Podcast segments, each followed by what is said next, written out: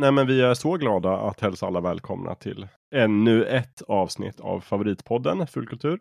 Namnkunnig, sedelärande, folkbildande, anrik etc. etc.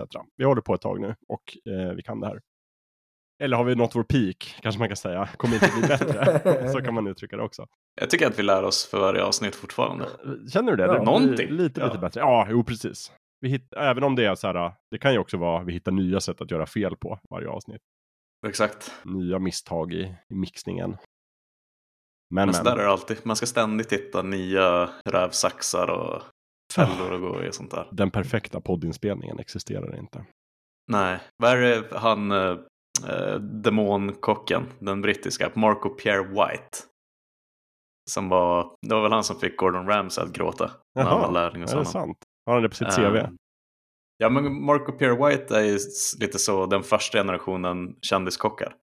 Jassa. Jag tror han hade en sån banbrytande eh, tv-program på BBC när de följde med honom in i köket och störde honom. Han var mest Mhm. irriterad över att han var där. Ja, Ehm, en riktig sån bad boy. Tänk typ Gordon Ramsay möter Anthony Bourdain. Och så blir det en människa. oj. Skolad som gam- klassisk fransk matlagning. Ehm, och jag tror att Gordon Ramsay var lärling hos honom och att Marco Pierre White eh, var liksom 200% Gordon Ramsay. Att det är Marco som Ramsay baserar sin persona på i typ Mhm. Hell's Kitchen. Okej. Ehm, men han har, han, han har också blivit, han har blivit gammal nu och kommer med många sanningar. Så han är lite som Morgoth eller Melkor liksom till Eh, Sauron? till Sauron, exakt, Ja. exakt så. Ehm, och jag tror att han har sagt att perfection is many small things done right. Ah, Och man, så man bryter ner det så, då kanske det är... det. det sa ju Melkor också. Han sa I första åldern. vi ska, ja, exakt det- han sa det. Fast han sa det ju på alv, eh, svarta språket. Alltså. Precis. Och då sa han vi ska kuva alverna. Vi ska liksom ett steg i taget, sa lilla Sauron. Så får vi se. Du vet, en dag gör de en... Allt börjar med ett steg. Exakt. Mm. Och så sen en, en dag så har vi vår Amazon Prime-serie. Jajamän. kommer ja, det kommer närmare och närmare den där Amazon Prime-serien. Med shit. skräckblandad förtjusning kan jag känna. Ja, med betoning på skräck tycker jag. Ja.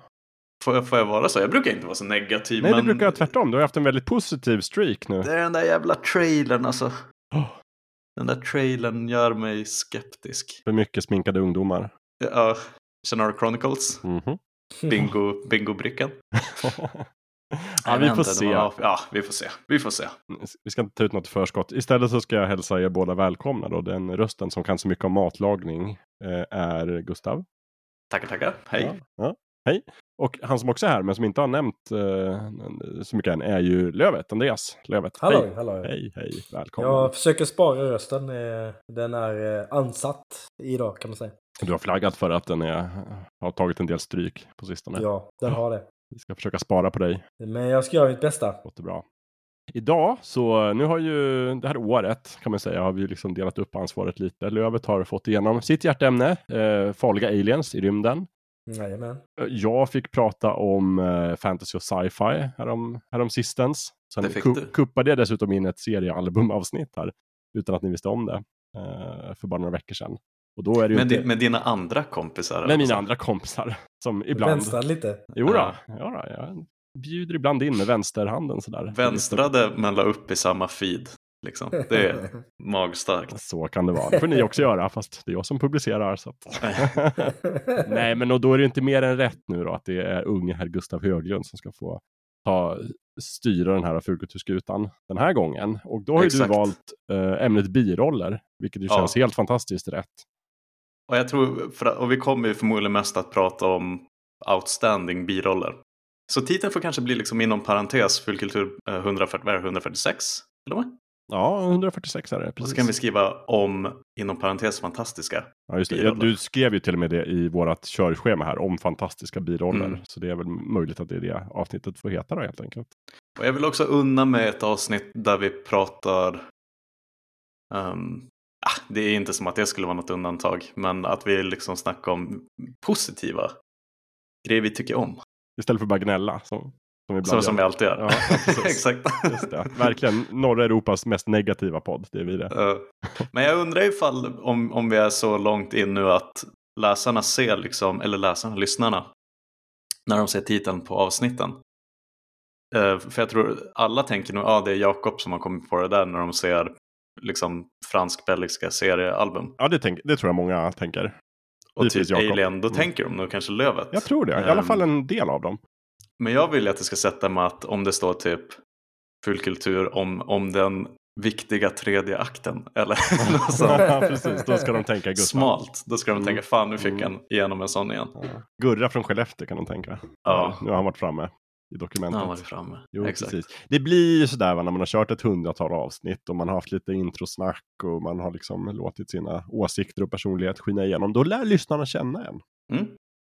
Men det de är kul, man önskar att man lär känna lyssnarna lika väl. Men det Mm. börjar vi göra nu när de skickar in uh, lyssnarbrev. Ja, Tycker absolut. jag det är superhärligt. Verkligen, verkligen. Eh, Ja. Nej men vi ska snacka biroller idag.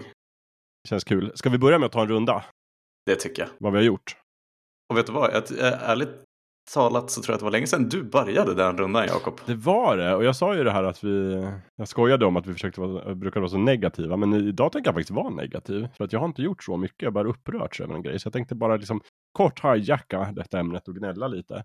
Kör hårt. Fast först, jag kan säga en, en sak. Jag har sett Moon Knight, första avsnittet nu, den nya Marvel-serien på Disney+. Plus. Eh, jag tycker den börjar bra. Spännande. Oscar Isaac, bra. Ethan Hawke, bra. Så. Eh, sen då, efter förra avsnittet så har jag läst mycket serier, eftersom att jag blev så inspirerad när vi satt och pratade där. Och då har jag försökt göra det digitalt, vilket är lite min melodi nu för tiden 2022. Jag är Mm. så arg och upprörd på Amazon, detta ondskefulla, fruktansvärda företag som bara förstör allt hela tiden. Do tell more. Jo, men de har ju, det finns ju, det fanns. 2010 så lanserade ju företaget Comixology en fantastisk app på typ iPad och iPhone för att läsa Mm. serier och köpa serier. Den var superbra. Och den hade den här äh, revolutionerande tekniken som heter guided view där man kan liksom bläddra fram serieruta för serieruta. Och det var en sån äh, fantastisk smooth upplevelse. Äh, sen köpte Amazon Comixology 2014 och det blev genast sämre det första de gjorde direkt var att ta bort den. då gick det inte att köpa serier längre direkt i appen.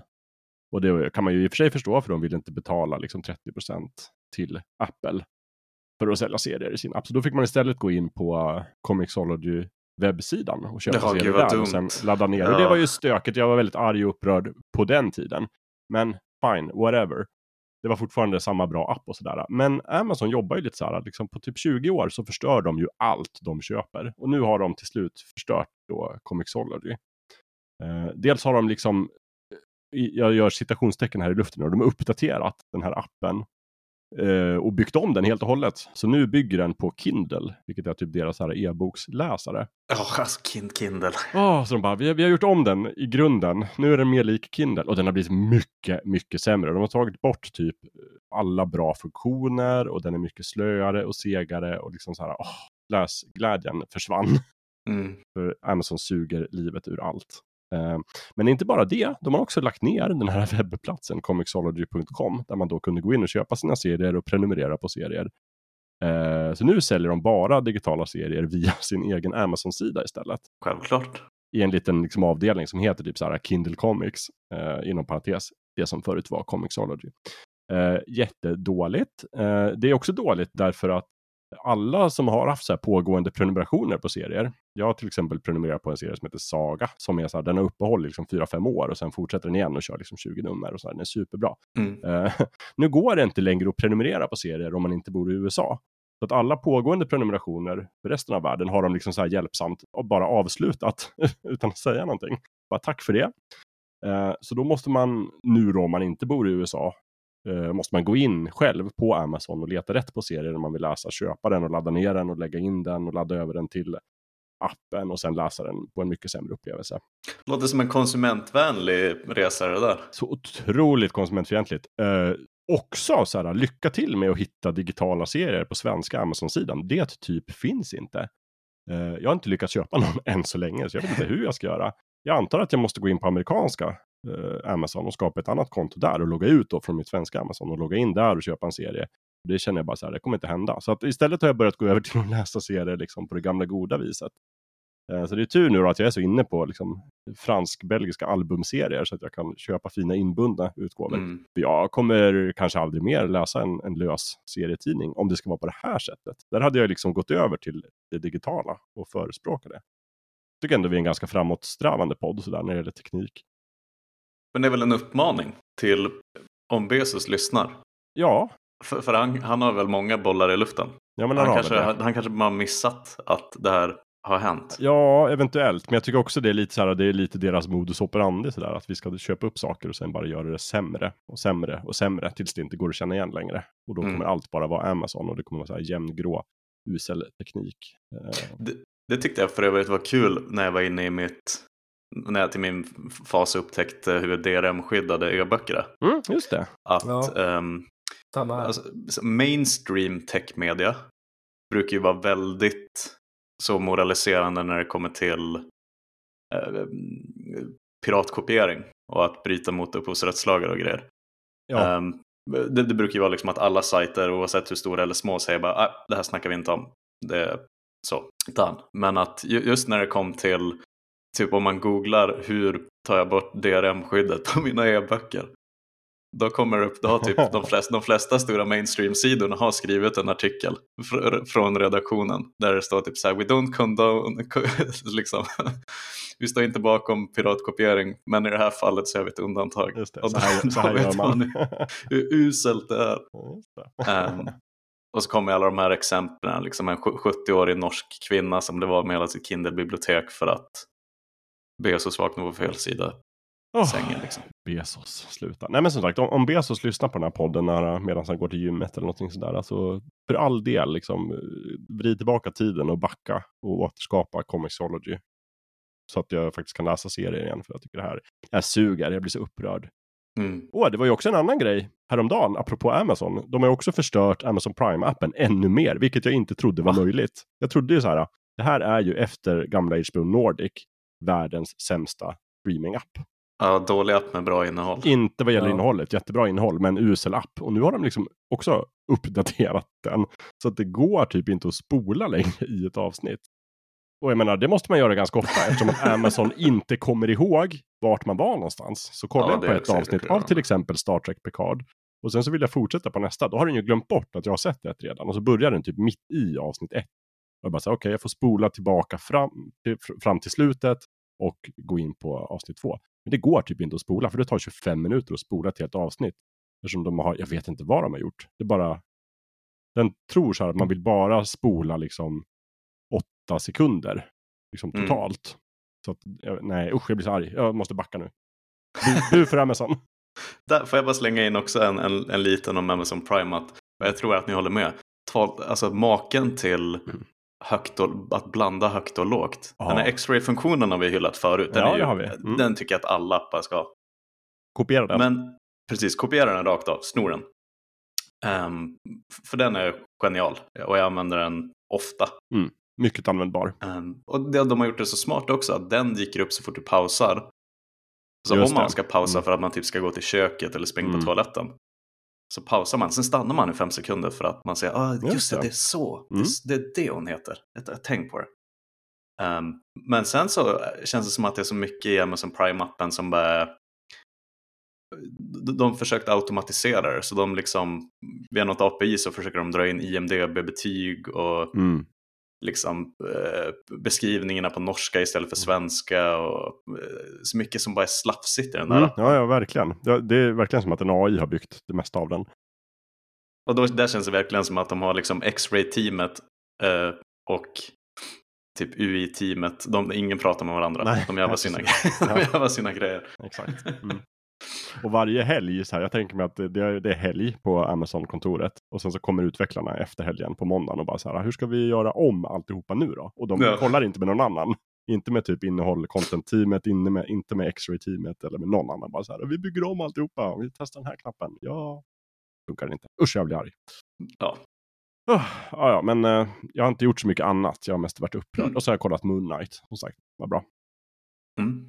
Lövet? Eh, ja, jag har spelat lite spel och tittat på lite film och läst lite bok. Eh, Gå så gärna in mer på detaljer om du kan. jag, hade tänkt, jag, jag hade tänkt göra det. Jag vet. Eh, men eh, spelväg har jag spelat ett... Eh, det var lite, lite oväntat faktiskt. Jag hade påbörjat eh, Horizon eh, Forbidden eh, West. Just det. Eh, och sen eh, pratade med en barndomskompis. Bara, men skulle det inte vara kul att, att spela lite co-op ihop igen? Eh, för det här eh, Tiny Tinas Wonderlands.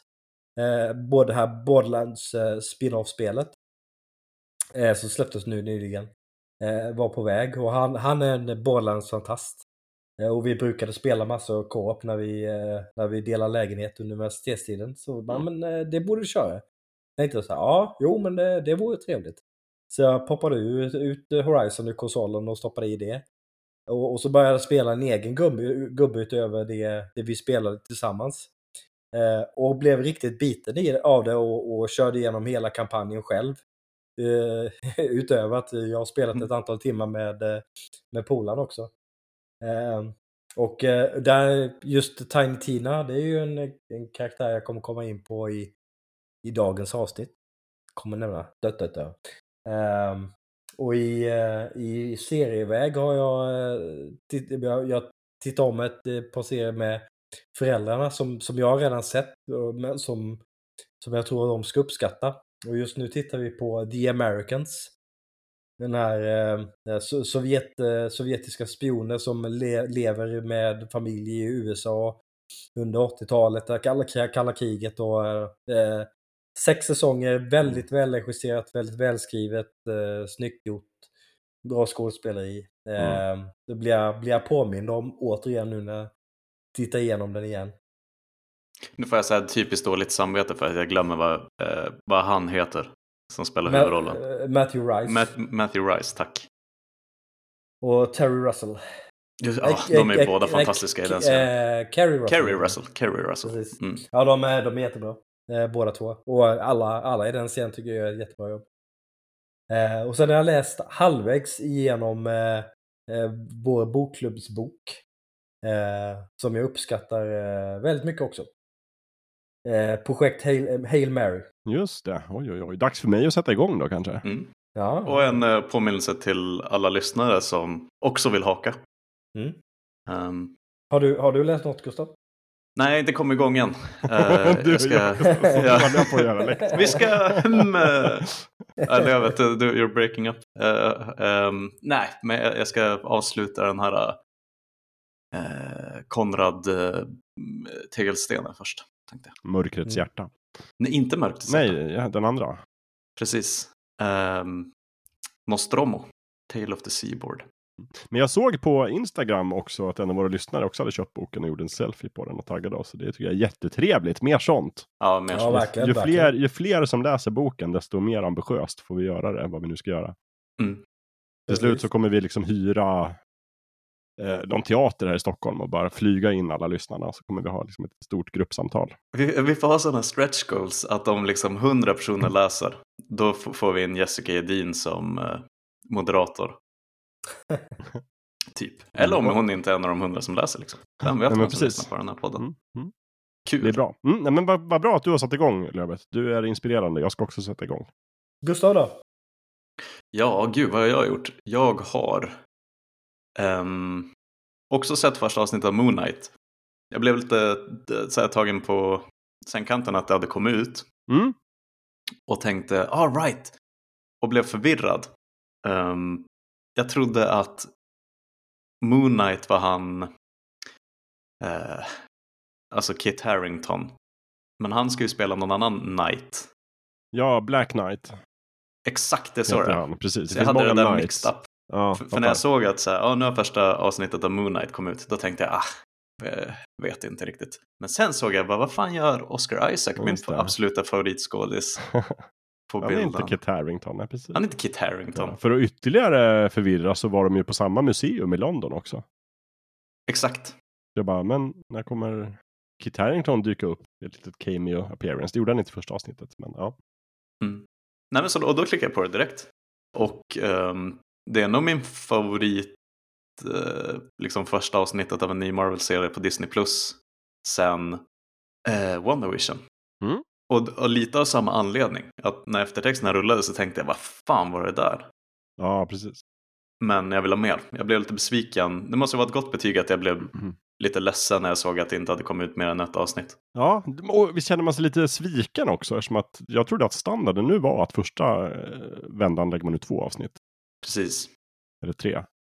Men nej då, var, vilka var det som skulle kompensera med det? Det var någon serie som blev pushad bara ett par dagar nu. Kenobi. Obi-Wan Kenobi, tack! Och när jag såg det så tänkte jag, oh, you better. Mm.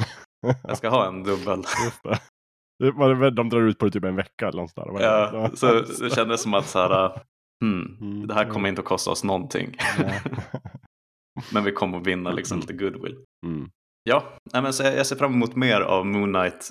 Men kanske framförallt för att Oscar Isaac bjöd på en riktigt bra äh, första avsnitt. Men det är han ju alltid. Ja, gud, han, är så, han håller så hög lägsta nivå att det är skrämmande ibland. Mm. Um, nej, men så det ska bli jättespännande. Jag, och jag gick in och började läsa lite om karaktär, alltså serietidningskaraktären. Um, men stannade när jag hade liksom fattat the, the gist Mm. av vem man är. Um, och jag tyckte att det var kul med de här lite Batman-parallellerna som, som drogs. Mm. Så det ska bli kul att följa den. Men det var ju mycket, det var ju ett förvirrande första avsnitt. De hoppade ju verkligen fram och tillbaka och introducerade karaktärer i fem sekunder. Som, visst, jajamän. um, så lite så in, in medias res. Uh, ja, men så det ska bli kul att följa. Sen har jag, um, jag tog egentligen tummen ur och såg Kingsman 2. The Golden Circle. För jag såg nämligen om första Kingsman um, bara häromveckan. För, för den tycker jag om väldigt mycket. Um, blir liksom aldrig trött på fighting-scenerna med Colin Firth som är så himla icke-action i resten av hans karriär. Mm. Um, Men här får han blomma ut.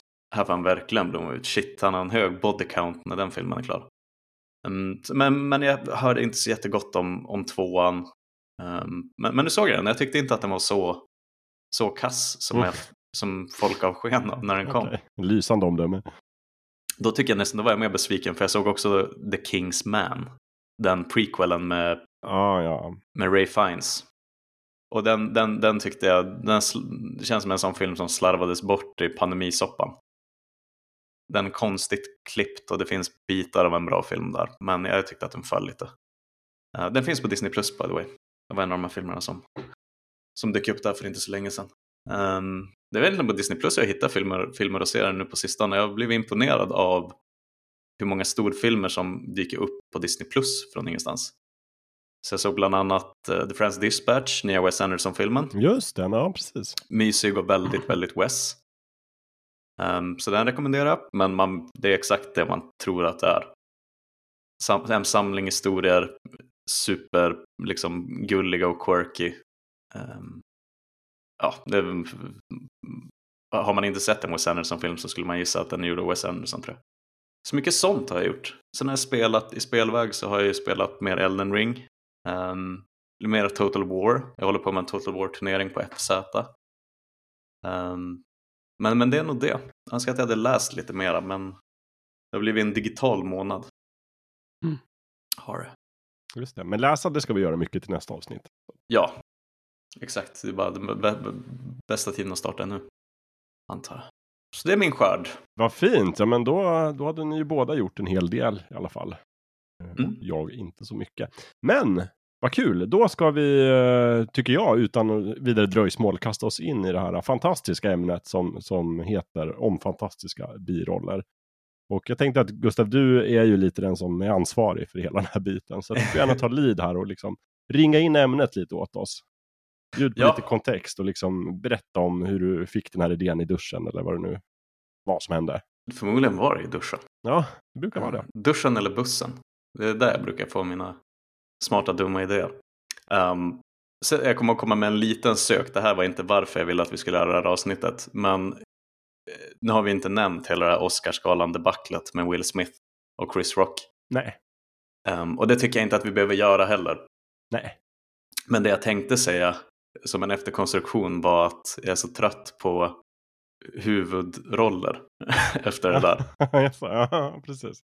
Att Menar vi du- skiter, Huvudrollsskådespelarna Huvudrolls- eller karaktärerna som spelar huvudroll? men bara fokuset på Ja, eh, mm. huvudroller och vem som vinner bästa huvudroll. Så Just då det. medvetet flyttar vi siktet mot birollerna. Eh, men, men, men det vet ju ni att jag kommer den här idén innan Oscarsgalan gick av Ja, det gjorde du faktiskt. Oh, ja. Mm. Ehm, men eh, men vi, som en efterkonstruktion vill jag bara trycka in den lite grann. Att jag, jag är less på huvudroller och huvudrollskaraktärer och innehavare. Ehm, så det vi ska göra ikväll är att vi, vi ska snacka om biroller. Och I vanlig ordning kommer vi att sätta på oss, liksom, för att försöka dissekera begreppet. Vad, vad är en biroll? Det känns ju självklart. Men, men det finns, som det upptäckte vi väldigt tydligt med fantasy och sci-fi, att ja. Det finns varianter och meningar Mm. går isär om exakt var gränserna går. Och vad man definierar som en biroll eller vad som Exakt. kanske egentligen är en, en andra huvudroll. Och, ja. Precis. Och där kommer vi komma tillbaka till Oscarsgalan ehm, eftersom att det är väl där det blir som tydligast att antingen vinner man för huvudroll eller biroll. Mm. Mm. Och historiskt har det väl varit värt lite mer att vinna huvudrollsstatyetten. Lite tyngre på något sätt. Mm. Jo, precis. Man brukar få högre gage och sådär också som huvudroll. Och större namn på affischen och mera skärmtid. Och Begreppet leading man och leading woman, liksom. Mm. leading lady. Mm. Ehm, yes, Eh, men sen tänkte jag att eh, köttet och potatis i den här eh, avsnittet kommer verkligen att bli att bara ta upp alla härliga exempel vi har på bra biroller. I film, tv, böcker, spel, musik om vi har något sånt exempel. Mm. Eh, och bara gotta oss i alla bra birollsprestationer vi har fått spisa eh, sedan, sedan starten av allt. um, ormen i skapelsemyten liksom. Det är en bra biroll. Ehm, Yes, och det är väl egentligen, det är inte så mycket svårare än så. Vi, vi kommer ju att göra det svårare. Allt vad det lider. om jag känner oss rätt. Eh, Men, men vad som, för att kicka igång det så kan jag väl bara dra lite sådana kuriosa och research. Ehm, Att det heter biroll på svenska, eller det vanligaste sättet att benämna det. Men att på engelska, och det är ju på Oscarsgalan, så får de ju pris för att man är en supporting act, alltså eh, actor eller actress i en supporting role. Just det. Så biroll är supporting actor på engelska.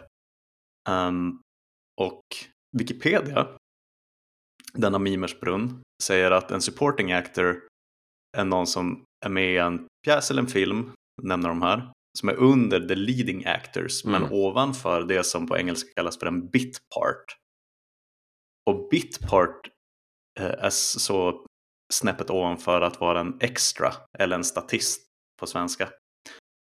Så redan hamnar vi lite i det här dilemmat av att man definierar saker för att det är mellan två andra saker som behöver definieras.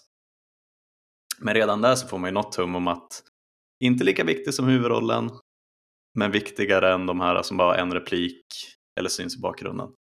Sen vet ju vi själva att eh, en biroll kan vara så mycket, mycket mer.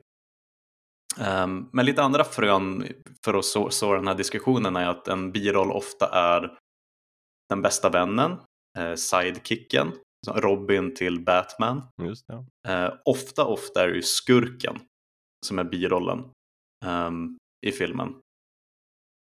Eh, men du vet, det kan vara partnern eller mentorn. Obi-Wan Kenobi är ju en sån klassisk biroll i Star Wars-serien. Ja. Eh, men nu blir han huvudroll i sin egen serie på Disney+. Just det. Så sånt där kan ju flippa. Ehm, och så sen när man snackar bitpart, det är de här som dyker upp bara lite grann. Eh, och har bara ett par rader dialog. Ja, och inte så precis. mycket skärmtid. Bitpart brukar ju kallas five or less eller under five. För att Mm. de brukar ha inte mer än fem rader dialog. Ja men det är någon som, typ, en, en typisk bitpart, det, det skulle ju kunna vara han den här bittra gamla grannen i Friends. Ja, som dyker det. upp Mm. ett par gånger för att han har stulit eh, Ross apa eller att han Ja, har just det. Han letar sin katt eller vad det nu är. De. Ehm, så han är ju en, en återkommande bitpart. Ehm, och så, så under bitpart så kommer ju kanske mellan bitpart och en statist kommer väl en, eh, en cameo.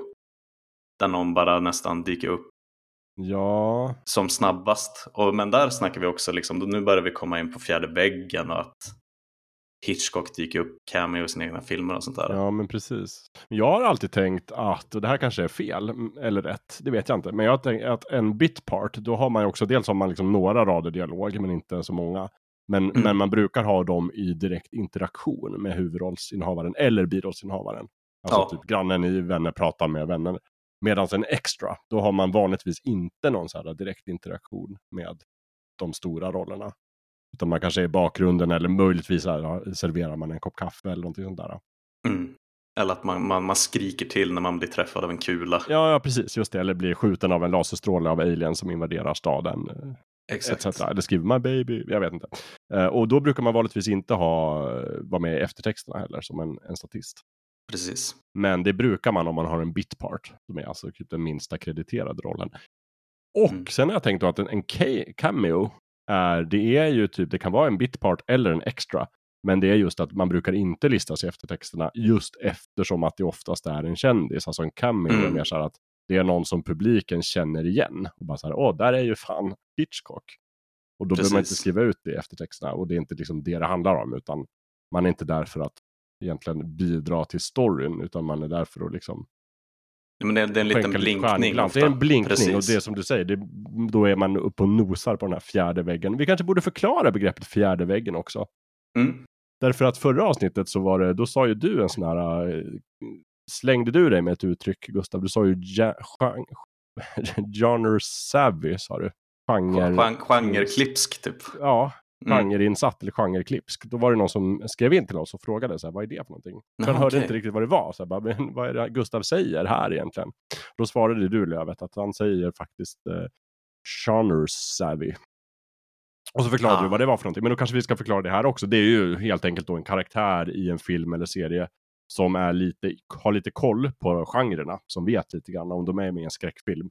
Så är det alltid någon som har lite grann intuitivt sådär att vi ska inte gå ner i källaren och liksom Eller dela upp oss i vi onödan. ska inte dela upp Mm. oss, jag ska inte Mm. gå ensam i skogen, eller sådana här olika grejer. Alltså det som ingen har i Ridley Scotts Prometheus, till exempel. Där är ju ingen som är genre savvy överhuvudtaget. Men så här, den här, det är en karaktär i fiktionen, men de vet lite grann hur, vad det är för film de är med i. Det kan Mm. man väl säga. Och lite, du vet, en...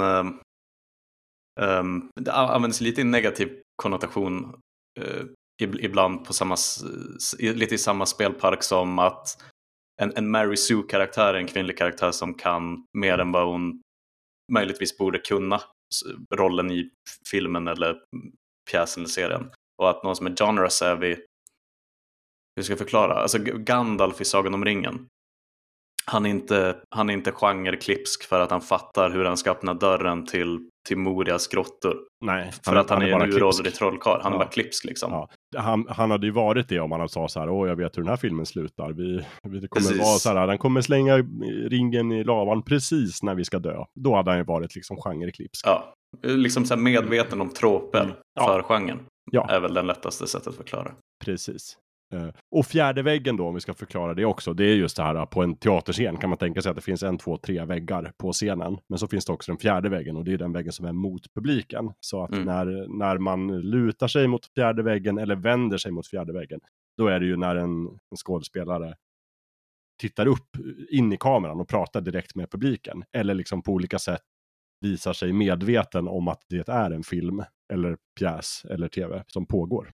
Precis, och ofta är det ju att någon tittar, eh, House of Cards till exempel, att Ja. de tittar in i kameran och pratar till publiken. Just det. Solklart. Mm. Det roligaste exemplet på att bryta fjärde väggen är när de gör det bokstavligt i Den nakna pistolen. När de ska gå från ett rum till ett annat. Men istället för att använda dörren så passerar de förbi väggen som står alltså, framför kameran. Liksom. Det. Det Ja. tycker jag är fantastiskt roligt. ja, jätteroligt. Eller i slutet på Det våras för sheriffen. Då när, eh, när det slutar med att alla cowboys på filmen bara rider ut ur biosalongen. Eh, Och det blir en stor mm. gatuslagsmål. Det är ju också jättekul. Och, och när, nu när vi nämner så måste vi säga ehm, The Holy Grail, alltså Python, Just det. Ja, Python-gänget, när polisen bara kommer och arresterar allihopa. Och Ja, just det. så Just det. ljudtekniker och komiker eh, dyker upp. Fantastiskt slut. Riddar det. hugger ihjäl eh, dokumentärskaparna. Precis. Ja, just det. Precis. Just det. Animatören får en hjärtattack och liksom det tecknade monstret försvinner och sådär. Det är många, fantastiskt mycket sånt. Uh, och en, tillbaka till det här med genreklipsk då. En väldigt rolig exempel på det är ju när en karaktär är genreklipsk fast i fel genre. Ja. Det gillar jag väldigt mycket. När de är i en komedi till exempel. Men en person tror att de är i ett drama. Och det blir ofta roligt. Mycket roligt. Mycket roligt. Just det. Men mm. förlåt, det var ett sidospår.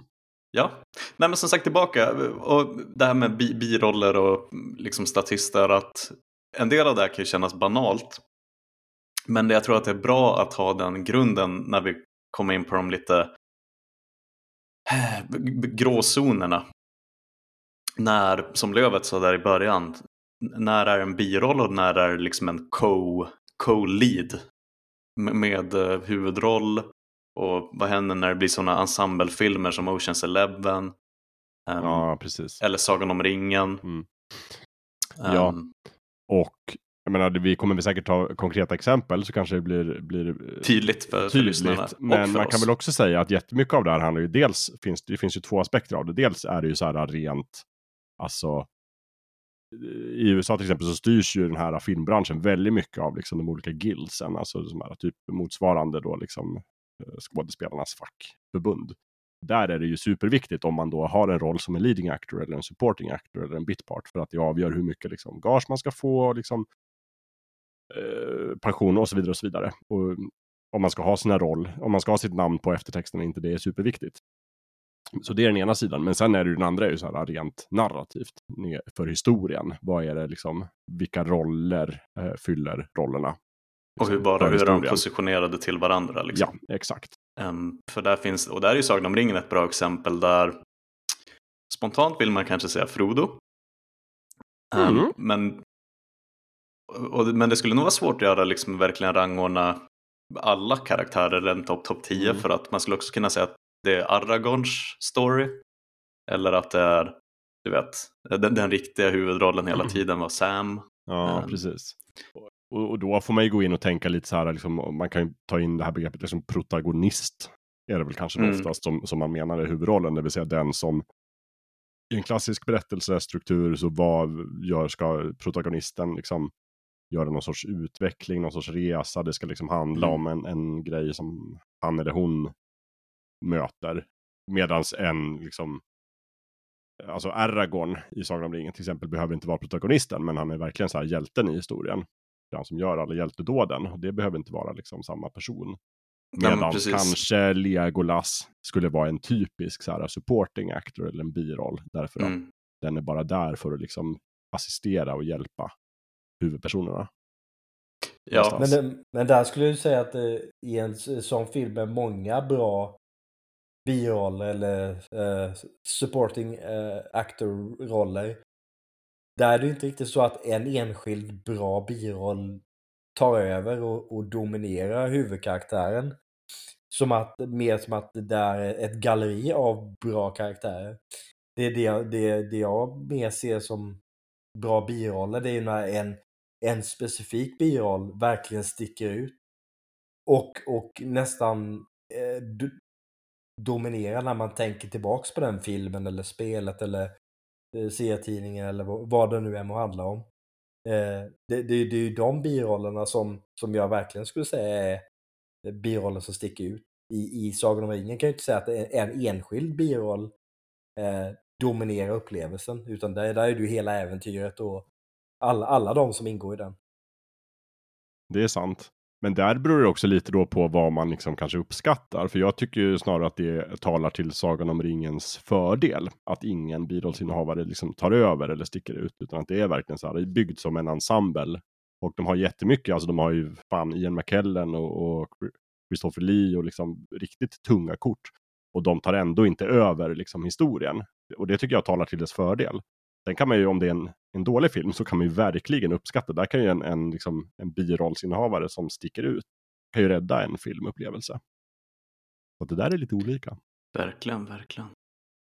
Um, nej men och vi kommer ju att komma in på exempel också där birollen, om, om de inte tog över så var det verkligen de som levde kvar i folks minnen och det var de som startade franchises till och med och blev maskotar för en hel serie.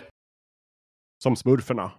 Ja, som ju från början då var alltså birollsfigurer i en serie som heter Johan och Pellevin. Men blev så extremt populära att De tog Peyo över direkt bara, jag måste göra, ska tydligen göra album med Smurferna. Och filmer Vill du ha ett annat bra leksaker. exempel? Jättegärna.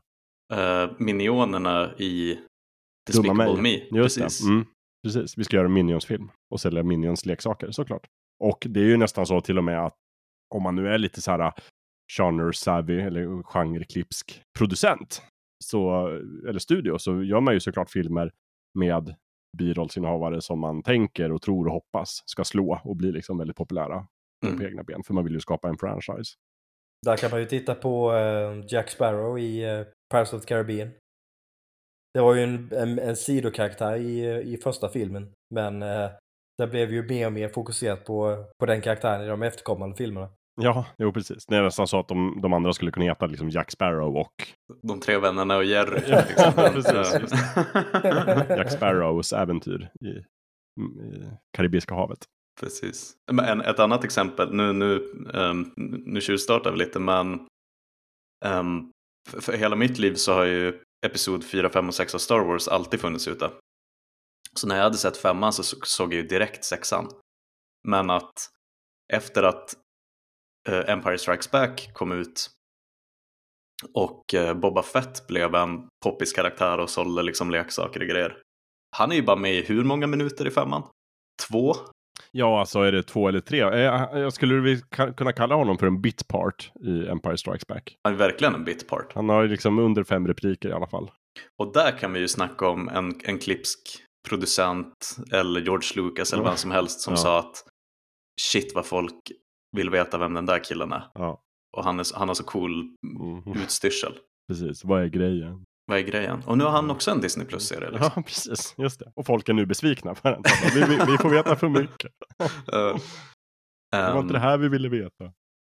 men, han, men han är inte, Boba Fett är inte på något sätt en, en biroll i Empire som stjäl showen liksom. Eh, men, eh, men vilken en potent karaktär bara som, som dyker upp supersnabbt liksom. Um, så jag ska bara säga en sak till innan vi börjar hagla exempel. Och det är att Konstantin Stanislavski av Stanislavski-systemet Fame han som på något sätt är fadern för method acting när man går in i rollen. Han har sagt det att det finns inga små roller, bara små skådespelare. Så b- ni som lyssnar och eh, du Lövet och Jakob, bär med det medan vi går igenom. Mm, ja, det ska vi göra. Absolut. Jag tänkte bara säga att om man ska titta på liksom så här, kanske lera mm, filosofiskt, vad är en, en biroll eller en supporting actor? Så hör man ju det lite på namnet också, en supporting role. Så kan man ju tänka sig att det är, är ju så här en roll som är tillsatt för att stötta dels historien, vad nu historien är, men också att stötta huvudrollsinnehavaren. För jag tycker det är ganska vanligt ändå att man har någon kanske ungt stjärnskott som är så här up and coming i huvudrollen. Men att man då, ja, men som kanske inte har så här den mesta erfarenheten och kanske inte är liksom tidernas grymmaste skådis. Då sätter man ju såklart in eh, alltså Ian McKellen eller Alec Guinness eller någon sån här riktig veteran. Eller Harrison Som- Ford. Ja, eller Han Harrison var ju Ford. också mer erkänd på den tiden. Det var han absolut. Eh, och sådär. Men, men liksom just såhär, ja, men för att ge lite dignitet och lite tyngd och liksom verkligen såhär, stötta upp den här unga, eh, unga gröngölingen som inte riktigt kan bära hela filmen själv. Han behöver lite stöd. Då tänker jag, då är man liksom en, en, en bra supporting actor. Och så, så, eh, kopplat till det finns ju också otaliga exempel i Hollywood där biroller går till tyngre namn för att de har mycket, mycket mera fullspäckat schema och kanske bara kan dyka upp och spela in en veckas, liksom, spela in scener över en vecka för sen ska de vidare på nästa grej. Um, så då får de liksom en sån tongivande smaskig biroll istället. Verkligen. Och jag tänker också att man kanske efter ett tag tycker att de rollerna är de roligaste. Om man nu liksom inte behöver jobba för att få pengar heller i första hand, utan man, man heter liksom Sean Connery och har gjort ganska många filmer. Då kan man ju ändå hoppa in här och där i små roliga, intressanta biroller. Och som sagt, då hinner man göra dem på liksom två veckor och så kan man åka iväg sen och göra något, annat. Spela golf i ett Ja, halvår. Om det nu är det man vill. Mm. Um, en annan grej som vi också bara ska lyfta är att om man tänker historiskt och väldigt Hollywood-centrerat nu så är det en bransch som verkligen har gått från att studios bygger filmer, de är ett fordon för att sälja in Humphrey Bogart eller Ingrid Bergman. Och det finns en väldigt tydlig huvudkaraktär, huvudroll. Och så bygger man folk runt för att, för att facilitera Humphrey Bogart. Liksom. Um, men att eh, man har verkligen sett trenden nu med mer liksom så konceptdrivna och idédrivna filmer så luckras det upp lite grann. Det är ju inte lika tydligt som det var en gång i tiden att det fanns två jättenamn och resten var eh, där för att bolla repliker med dem. Liksom. Um, och det, det märks mer och mer med fler ensemblefilmer och uh, lite, lite, så lite mer en platt, platt struktur vad gäller rollernas och karaktärernas uh, viktighetsgrad. På något sätt. Men, eh, men med det sagt så tycker jag att vi kan, eh, kan gå in i, i nästa del lite. Eh, vi, vi kommer säkert att rulla tillbaka till begrepp och och sånt. Men ehm, jag hade ju bett er att klura lite på vilka är era favoriter? När, man, när ni hör biroll, vad tänker ni, vad tänker ni då? Mm, alltså jag tänkte mycket på det att de, de, de första exemplen jag kommer tänka på är egentligen karaktärer som jag ser som sekundära huvudkaraktärer. Eh, typ som eh, vi i körschema så nämner vi Jokern i eh, The Dark Knight. Eh, och, och, det är så här, men det är ju inte riktigt, i min definition så är ju inte det riktigt en biroll för Jokern gör ju den filmen. Det, det är inte Dark Knight utan Jokern. Eh, så, så jag ser inte riktigt det som en biroll för visst, eh, den, den, den lyfter ju hela filmen. Eh, men samtidigt så det är ju inte en supporting actor utan det är ju en av huvudkaraktärerna i den filmen som har supporting actors runt sig istället. Eh, och, och det första exemplet som, som jag, mitt egna exempel som jag, en, en biroll jag verkligen uppskattar men som jag insåg också att det är kanske inte riktigt en biroll, det är ju Imperator Furiosa från Mad Max Fury Road. Eh, som, det, är, det är ju en Mad Max-film. Så Mad Max är ju egentligen huvudkaraktären, men majoriteten av den filmen handlar ju egentligen om Furiosa. Så det, jag kan inte riktigt kalla det en, en biroll heller. Och om, om, man nu, om man skulle vilja klassa det som en biroll så är det ett prima exempel på en biroll som verkligen överglänser huvudkaraktären. Men jag tycker lite att Furiosa är huvudkaraktären i den filmen. Lika mycket som eh, Mad Max är.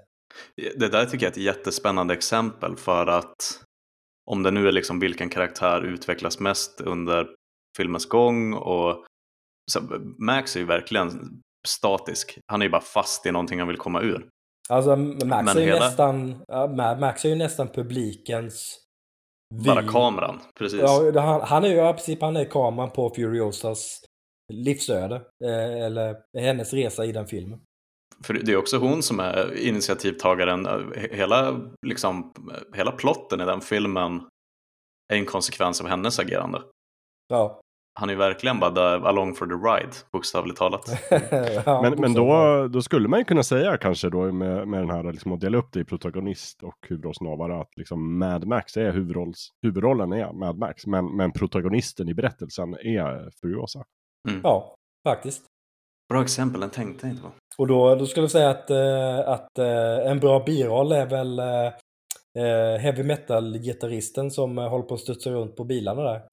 det, det, är en biroll jag verkligen uppskattar. Är det en, ja, jag kommer inte ihåg hur, mycket, hur många repliker hade. Ja, det kanske är en bitpart. Visst. Kanske en bitpart, men en bra bitpart i så fall. En väldigt bra bitpart. Också en sån här uh, scene stealer kan man säga, som stjäl scenen. Ja, verkligen. Oh ja. Oh ja. Uh, Le Levet, nu när du nämnde Furiosa mm. så kommer jag bara att tänka för att um, Meryl Streep vann ju bästa biroll för Kramer vs Kramer. Och den tycker jag också är lite småklurig för att visst, det är väl Dustin Hoffman, man får ju mest följa honom, det är ju från hans perspektiv. Eh, men, men rent liksom hur de är, jag menar det finns ju redan i titeln att det är Kramer vs. Kramer. Att rent, om jag tänker på filmen storymässigt så tycker jag att det är två huvudkaraktärer i den filmen och birollen är väl typ ungen eh, och advokaterna. Ja, Um, det skulle jag också säga. men, men återigen, och där kommer vi in på att nu när vi börjar snacka Oscars-statyetter att det är också strategiskt av filmstudios vad de, vad de väljer. I många fall så väljer ju en filmstudio att ska vi skicka in henne som en nominering till bästa biroll eller huvudroll? Eh, beroende på vilka, vilka andra skådisar och filmer kommer de att gå upp emot om vi sätter dem i den här kategorin till exempel. Um, och ännu mer så blir det ju filmer där det finns, liksom, det finns ingen jättetydlig huvudroll. Då, då väljer man lite för man tänker att ah, det har inte varit så starka biroller i år, vi sätter, vi sätter henne där. Um, men med just Kramer vs. Kramer så tycker jag att jag blir alltid förvånad över att det är supporting actor som hon vann för. Jag har alltid tänkt att hon vann en huvudrollsstatyett för den där filmen. Men, eh, jag, tänkte också på det eh, om, man, om man tänker på att, som i spel, om den karaktär man spelar är huvudkaraktären, då skulle ju Ellie i The Last of Us vara en biroll. Men jag skulle Mm. säga att i, i det spelet är ju både Joel och Ellie huvudkaraktärerna. Eh, Du kanske inte spelar Ellie, eh, inte mycket, eh, men hon är ju precis, precis lika mycket en huvudkaraktär där som Joel är. Mm. Eh, Så där, där man kan ju inte riktigt kalla henne en biroll heller. Hur hade du gjort i Banjo Kazooie?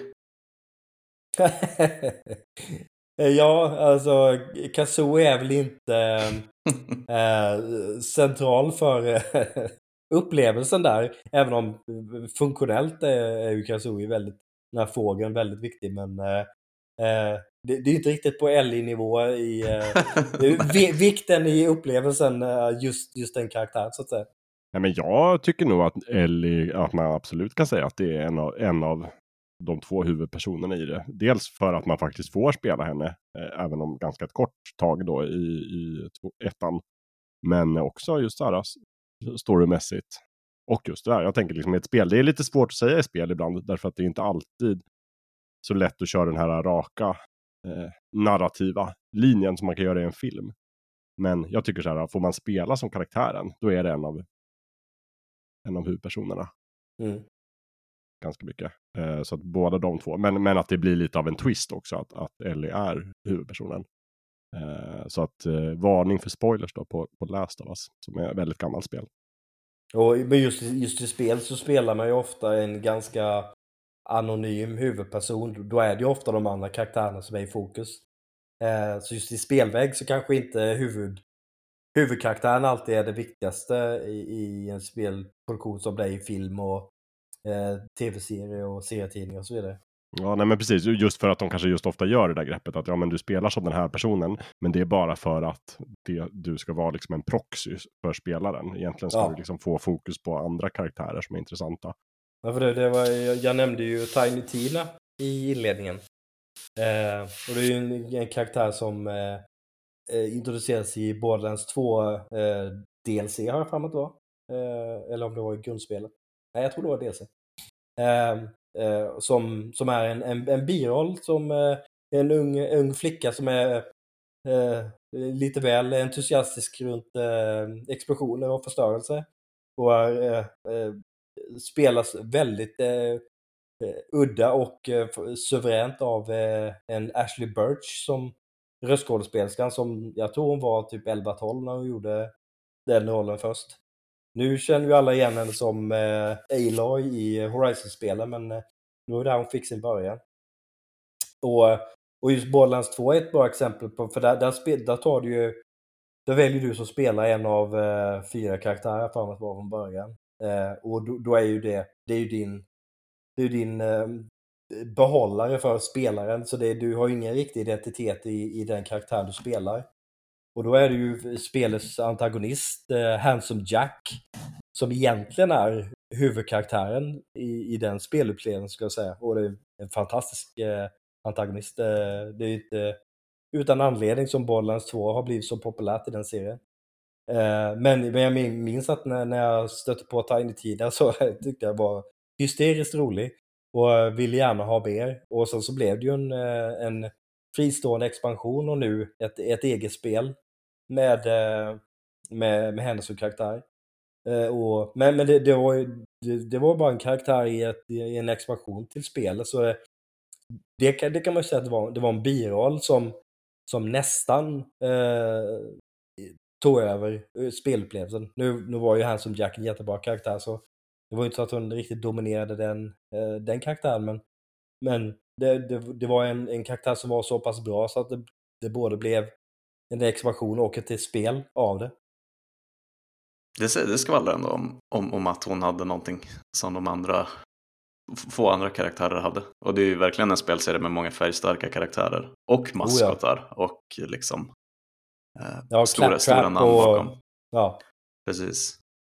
Um, det där för mig lite in på um, just det här att det inte är huvudrollen som det senare spinner vidare på. Um, en av mina favoriter har alltid varit Tommy Lee Jones i The Fugitive. Ja, just det. För det var ju väldigt mycket en, uh, nu var jag inte menar, den släpptes väl 93 tror jag, så ett år innan jag föddes.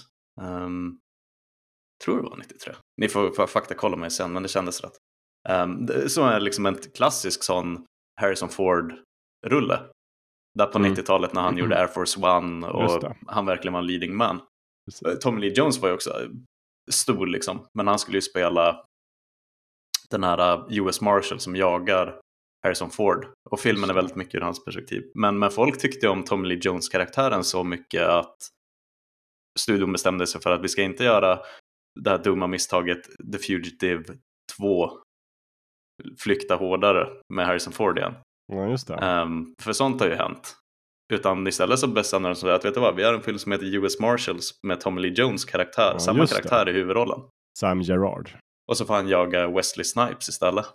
Så, och, så där var ju liksom en tongivande på något sätt biroll um, som blev ännu mera poppis än huvudrollen. Och det är ganska bra gjort när det är Harrison Ford som spelar, spelar huvudrollen i en 90-talsrulle.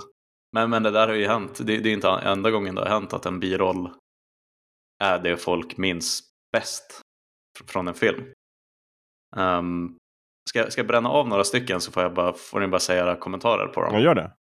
Um, du tog ju upp Heath Ledger i The Dark Knight som, som Jokern. Och det är, ingen, det är väl ingen nu som säger gud vad bra Christian Bale var i den där scenen när han var Batman. Men där är vi väl eniga om att det är en, en fantastisk biroll som, som sniffar på att vara huvudroll. Vill du lägga till någonting som inte har sagts än om Heath Ledger i rollen som Jokern, Jakob? Men bara egentligen att först när jag förberedde, när jag skrev, också skrev ner Heath Ledger här, så i mitt dokument, så tänkte jag först så här att det är nästan en dålig biroll för att den tar över så mycket. Men sen kom jag på att det är det ju absolut inte, för att det beror lite på vad det är för historia. Och sen här har vi alltså Christian Bales Batman som är en ganska torr och träig karaktär och ska vara det liksom. Och Jokern existerar för att ge Batman lite färg och sådär. Kan liksom inte, de är i symbios på det sättet. Och därför tycker jag att filmen tjänar på att ha en väldigt färgstark Joker. Som, där det är liksom faktiskt, det är ett undantag då som bekräftar regeln, men det är liksom, där är det bra att en biroll nästan tar över. Mm. Så att nej, jag har inget mer än så att tillägga. Mycket bra, mycket bra. Um, en, en annan som uh, många tänker på är Joe Pesci i Goodfellas. Ja. Att han verkligen står ut bland många bra skådisar och prestationer. Framförallt är det väl kanske den, du vet, Funny How-scenen när de sitter i mm. klubben. Just det. Och han trakasserar liksom Ray Liotta.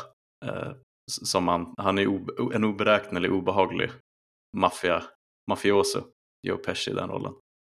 Ja, det när jag tänker på den filmen, det, det, det första som dyker upp i huvudet är ju inte Ray Liotta, det är ju Joe Pesci. Mm. Så det, det är ju ett exempel på, där har ju verkligen birollen gjort ett avtryck. Och här kanske vi kan stanna med en liten snabbis för att när jag tänker Joe Pesci då tänker jag verkligen birollsmästare. Ja. Jag kan typ inte komma på en enda huvudroll från Joe Pesci. Utan jag tänker ju bara på typ Goodfellas, um... oh, nu tappar jag ju namnet på dem, med Mel Gibson och Dödligt vapen. Ja, just det. Mm. Uh, och uh, Ensam hemma till exempel. Det är ju Joe Pesci för mig. Ja. Färgstarka biroller. Ehm, sen så borde vi ta upp eh, den kanske, jag vet inte om det är det ty- tydligaste exemplet, men ehm, Anthony Hopkins i När lammen tystnar Ja. som, som Hannibal Lecter. Och det är ju ett exempel på, det, det är ju inte en jättestor roll i filmen. Men den har, det ju- har ju ett enormt avtryck på alla som ser den. Ja, både liksom alla som ser filmen minns ju Anthony Hopkins som, som Hannibal Lecter, men också tänker jag också återigen det här i själva historien så är ju Hannibal Lecter helt central för Mm.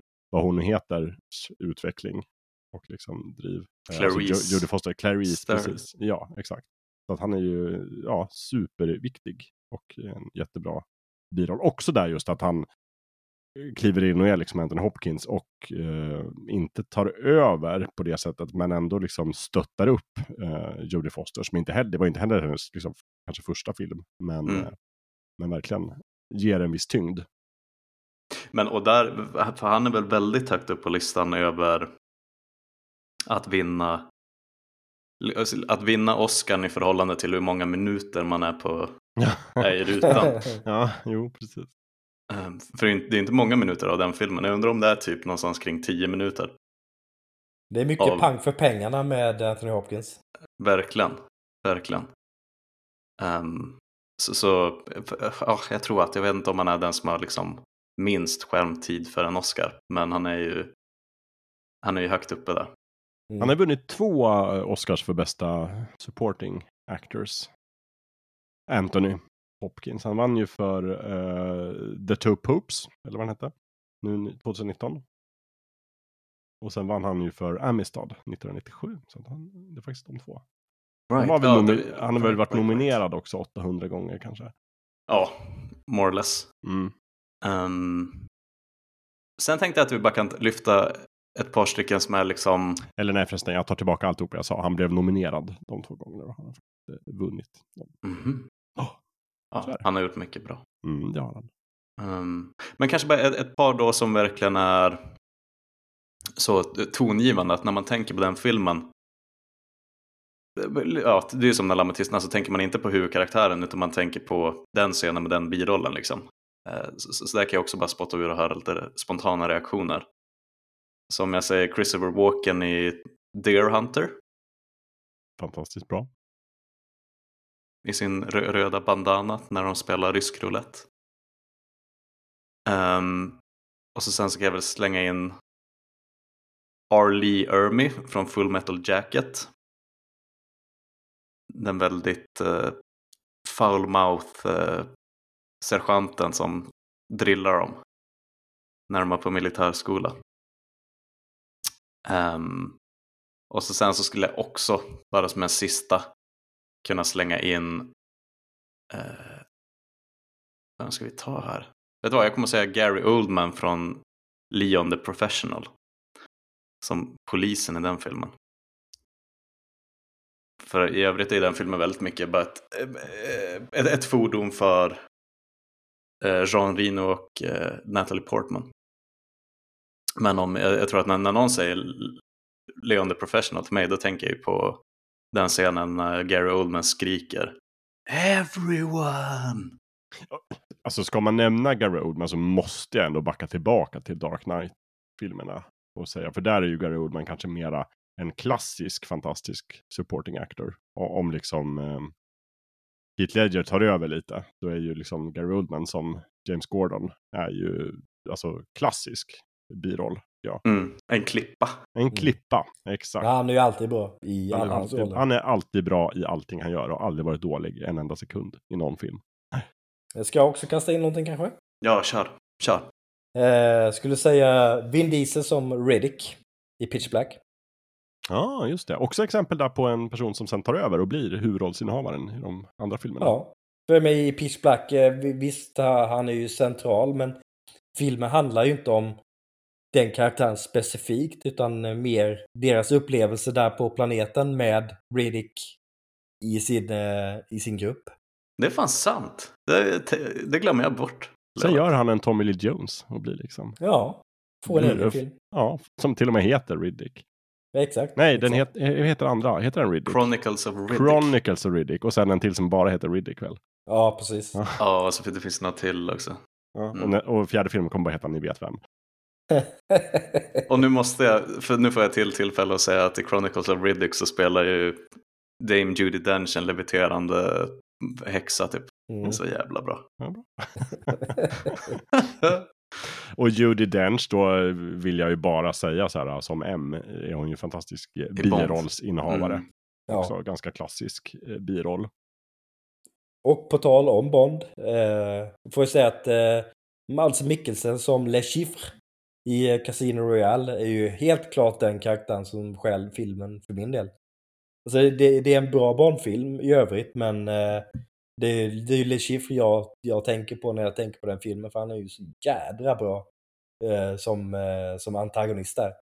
Mm. Mm, ja, verkligen. Och på tal om Le Chiffre då, och Bond så vill jag säga Orson Welles som spelade Le Chiffre också kort sekund i den här äh, dåliga Casino Royale. Ja, den, bl- den 1967. Men blajiga det, var- det var inte hans roll där jag skulle säga, utan snarare Orson Welles roll som Unicron i den tecknade Transformers-filmen från 1986.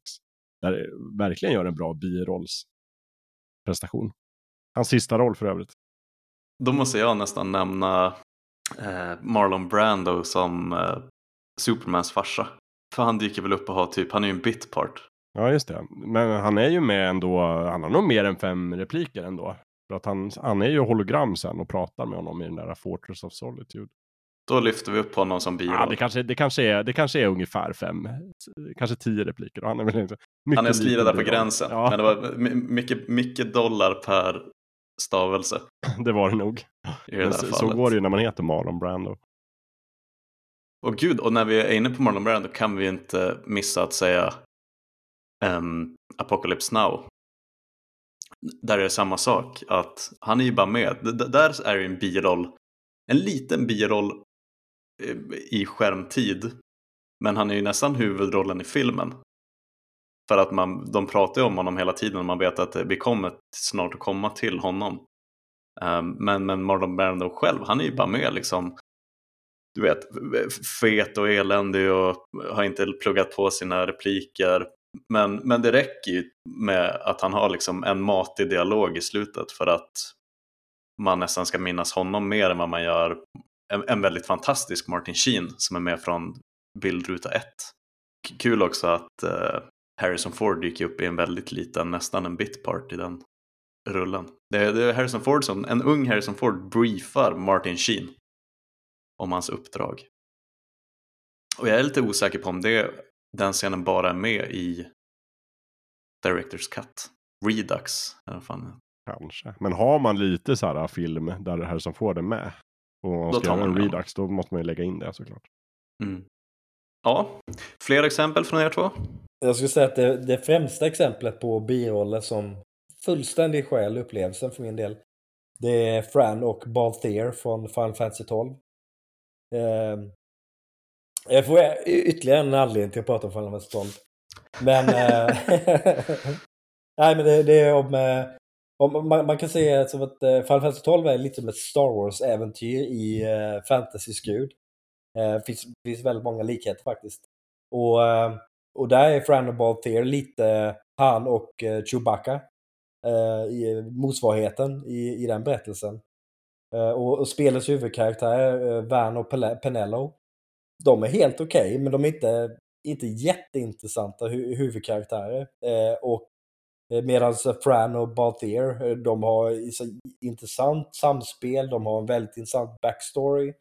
Eh, framförallt Frans som, som de utforskar och precis som Han och Chewie så eh, har de varandras eh, ryggar och, och hjälper varandra och jag ska inte avslöja slutet för någon, men det finns en, en fin scen med, med de två eh, där de eh, eh, hjälper varandra i ett, eh, ett utsatt läge eh, i, mot slutet av spelet.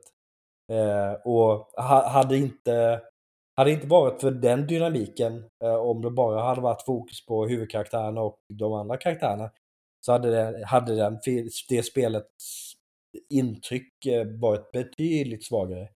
Eh, så det skulle jag säga är ett prima exempel på eh, biroller eh, som, det, som det faktiskt är i den gruppen, som är mycket, mycket bättre och mer intressanta än eh, huvudkaraktärerna. Och ni som inte har spelat det, det finns en eh, Zodiac Age-version nu till moderna plattformar som man kan spela. Just det, jag tänkte på det när jag såg nyheterna. Ja, Jag ja, tänkte, ja. där är jag säkert lövet glad. Vad bra. Då fick du in en rekommendation då på den också, även detta Jajamän, härligt. jajamän. Eh, jag kan nämna några favvisar. Då då.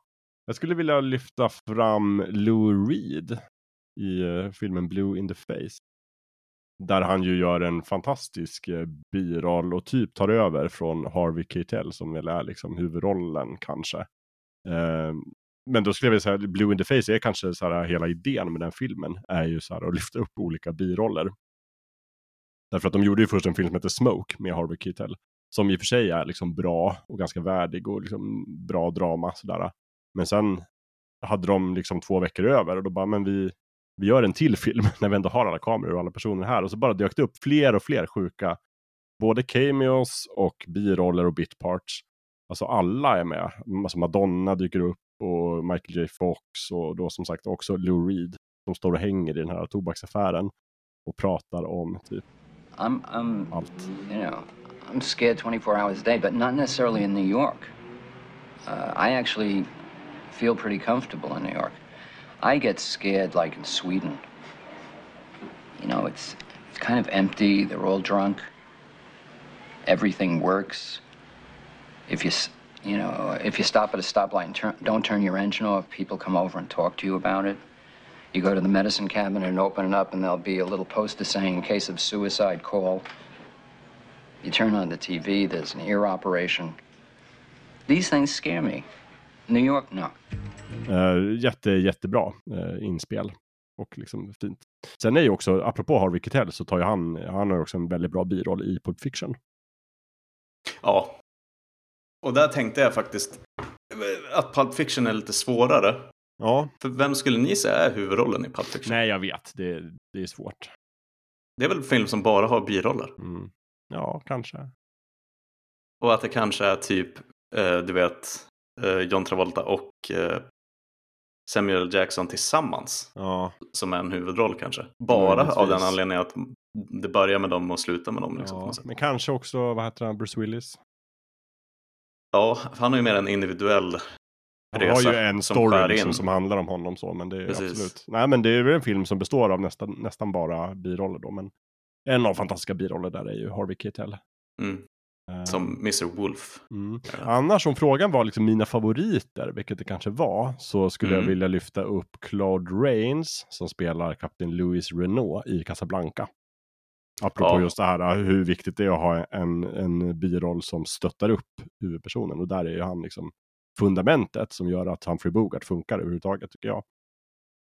Eh, och sen också Pat Morita som spelar Mr Miyagi i Karate Kid. Mm. Som den är är en fin. fantastisk biroll. Och jag tror att båda de här fick Oscar för sitt besvär. Det tror jag eh, fasen med att de gjorde. Jag kollade upp det och sen så skrev jag upp det och sen glömde jag dubbelkolla. Nej, nominerade. Nominerad, precis. Ja.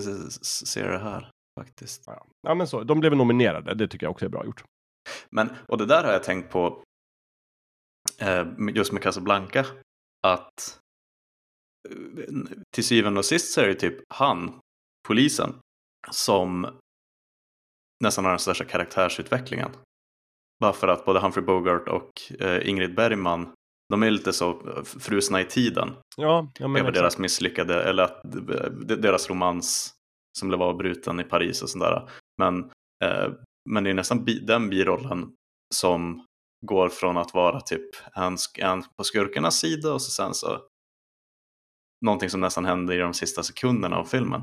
Och, och i slutändan så var det nästan deras bromance det handlade om. Ja, ja något sätt. precis. Ja, men exakt. Och det är det som, det som gör, ger filmen behållning.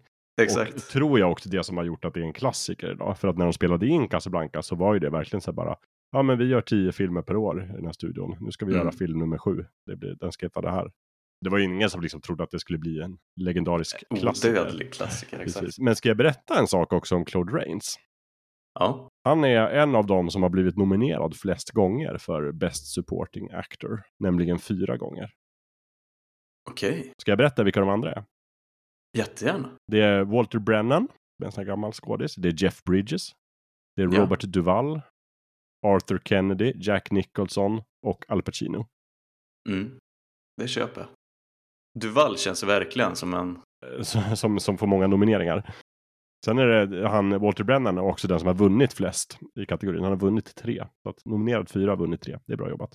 Hallå? Vill du veta på eh, den kvinnliga sidan? Ja. Diane West och Shelley Winters. Mm. Två. De har vunnit två var. Oj, oj, oj. Det är bra. Mm. Thelma Ritter blev nominerad sex gånger. Usch. Det är snyggt jobbat. Ja, herregud. Finns det liksom något sammanhang där det är lite finare att vinna en, en Oscar för supporting actor än för huvudrollsinnehavare? Eller är det, finns det inte? Bra fråga. Eller är det liksom, det känns som att alla som blir, alla, jag kollar på listan nu liksom nominerade och, och vinnare Mm, och alla är vinnare. ju riktigt ansedda skådisar. Jag, jag, jag skulle säga att det beror lite på vilken typ av roll det handlar om. Är det en film där supporting actors bara är just supporting actors där de inte de, de tar inget, ingen fokus i berättelsen då, då är det kanske inte lika fint men typ som Olivia Colman i The Father och vinner hon någonting för den rollen så skulle jag säga att det är nästan på nivå med vinna för huvudrollen. För det, det är en så bra film och det är en så bra karaktär och hon, hon gör ju en så fantastisk prestation så med, med en nominering ens där så skulle jag säga att det är lite högre rankat för mig i alla fall än om de får en nominering för en biroll i en, en annan film som inte är av samma kaliber så att säga. Mm. Det, det, det är lite kvaliteten på prestationen som avgör för min del hur, hur viktig den nomineringen eller vinsten är. Hörrni, lite mer statistik bara. Det finns ju också en, en Razzle Award för sämsta supporting actor. Ja, uh, den Raspberry... Raspberry Award. Ra-. Razzie. Och där har vi, det är två personer som har vunnit flera gånger. Och där är det ju faktiskt, de har båda vunnit två var. Och då är det Ja. dels Dan Aykroyd. Och sen faktiskt Hayden Christensen då. För eh, både Två, Klonerna okej. anfaller och, Nej, fy eh, fan vad taskigt. och eh, Revenge of the Jedi. Eller eh, Revenge of the Sith. Mm, så att de två, han knep den båda åren där. Sen den som har blivit nominerad flest gånger för en Raspberry för Worst Supporting Actor. Det är faktiskt Arnold Schwarzenegger. Fem gånger. Mhm. Mhm. En för Batman antar jag. En för Batman och Robin, absolut, där han spelar Mr. Freeze. Också så- som jag skulle kanske vilja utnämna till eventuellt den sämsta birollen. Någonsin. Någonsin, ja faktiskt. Jag tror det. I liksom hård konkurrens såklart, men, men han tillför verkligen, tycker jag, ingenting nästan. Han drar någon så här riktigt dålig ordvits som är lite kul i den filmen. Men annars så, så hoppas man gärna, eftersom att Batman och Robin är så usel film, Ja. så tänker jag ju så här, okej, vi slänger, de måste jag ha tänkt så här, vi slänger in Arnold Schwarzenegger i en biroll. Det kommer bli fantastiskt, han kommer lyfta filmen. Och så gör han inte det. För att han Nej, inte är han på det sänker humöret. den ännu hårdare, Ja. eller hur? Ja, jag men han är farligt nära på att trycka in den i så dålig att det blir bra. Ja. Så- han, han lyckades nästan. Precis, men han var inte så engagerad liksom. Jag tror han orkade inte. Han bara så här, ah, no, I don't want to do it. Just uh, play the Terminator but with eyes. Okej. Och the puns, the puns. Men alltså hela, hela den filmen är ju bara en, eh, en färgglad, eh, putslustig eh, humorfest med eh, inzoomningar på rumpor och eh, andra delar av eh, anatomin. Där, där, där, där tror jag inte att eh, han hade någon sån specifik tanke med just Arnolds karaktär. Det var bara nu, nu, nu ska vi göra en jätte, jätte färg, färgstark eh, film som kan sälja jättemånga leksaker och eh, tilltala ungarna. Ja. Alltså för jag tyckte om den innan jag lärde mig engelska. Måste jag säga. När jag var liten. Ja. Um, visuellt spektakel. Nej men och Jakob, när du sa det att när är det mera prestigefyllt att vinna Oscar för bästa biroll? Mm. Om vi flippar på det, när, när är det extra dåligt att vinna en Razzie för sämsta biroll? Ja. Så är det väl eh, när man spelar skurk i en film som hänger väldigt mycket på sk- skurken. ja, ja, men exakt. Mm. Ehm, tycker jag väl. Alltså viss, vissa Bondrullar är ju helt katastrofala. Dör på att det är en dålig skurk liksom. Mm. Och i, en- i en Batman-film, på samma sätt som att The Dark Knight hade ju aldrig varit sökt på IMDB ifall det var en, en blek joker. Ja, men det är lite som i Suicide Squad. Det de gjorde med Jokern där. Det är ju, Åh gud. det är ju ja. inte, en, det är inte en bra biroll kan man ju säga. Nej, Det är ju motsatsen till det skulle jag säga. riktigt dålig. Och det, vilket är synd för att Jared Leto är en riktigt bra birollsskådis, Ja. tycker jag. På tal om me- method acting som vi pratade om tidigare. Han går ju in eh, väldigt tungt för det. Ja, shit. Jared Leto är också den som för tillfället har, eh, innehar Raspberry Award för Worst Supporting Actor. För han fick ju det för House of Gucci 2021. Mhm, Mhm. Den har inte jag sett. Han, är också, han blev nominerad också för Suicide Squad som Jokern. Ja, Jag är inte det, förvånad. det- men det är weird, för du vet samtidigt så vinner han Oscar för bästa biroll i Dallas Buyers Club. Och Ja, det är folk sant. är... Men där, där finns det ju ingen liksom, rim och reson för att det är också så här Hailey Berry både vann väl en Oscar för bästa, eh, om det var huvudroll, och Ja, det, Raspberry för sämsta huvudroll för, för Catwoman samma år. Så att, Just det. Men vi får väl se nu då, jag menar den här nya filmen med Jared Leto, eh, vad heter den? den här, eh, Morbius. Morbius, ja, Marvel-filmen från Sony. Där får han ju så otroligt dålig kritik. Så att han Mm. kanske kniper Ja. en Raspberry nästa år också. Då skulle han ju bli första skådisen som får det två år i rad. Mm. Är bara hålla tummarna. Ja, vi håller tummarna. Leto. Ja. Ja, nej, han verkar ju vara lite ber- beroende av ett bra manus och en regissör. För han är ju riktigt bra i Blade Runner 2049 som sk- skurk där. ja, gud ja. Ja, ja, Ja, oh ja, oh ja. Så hö- högt och lågt för Mr. Mm. Leto. verkligen. Och han är jättebra Alltså. i Mitt så kallade liv. Mm. That is. Och uh, Requiem for a Dream. Men där spelar Oh, han ja. kanske huvudroll. Ja, just det, det gör han ju. Men i mångt och mycket är Jared Leto på samma sätt som Joe Pesci är för mig en birolls eh, skådis, Mm. tycker jag. På samma sätt som på, på kvinnosidan så tycker jag, tänker jag direkt på Kathy Bates. När jag tänker, vem är alltid bra i biroller? Kathy Bates, hon är alltid bra i biroller oavsett var hon är med. Levererar alltid. Speciellt i Titanic vill jag nästan säga. Mm. Nej, speciellt i Misery, fast här spelar hon ju typ huvudroll. Tillsammans med eh, Al Pacinos brorsa i Gudfadern. James Caan.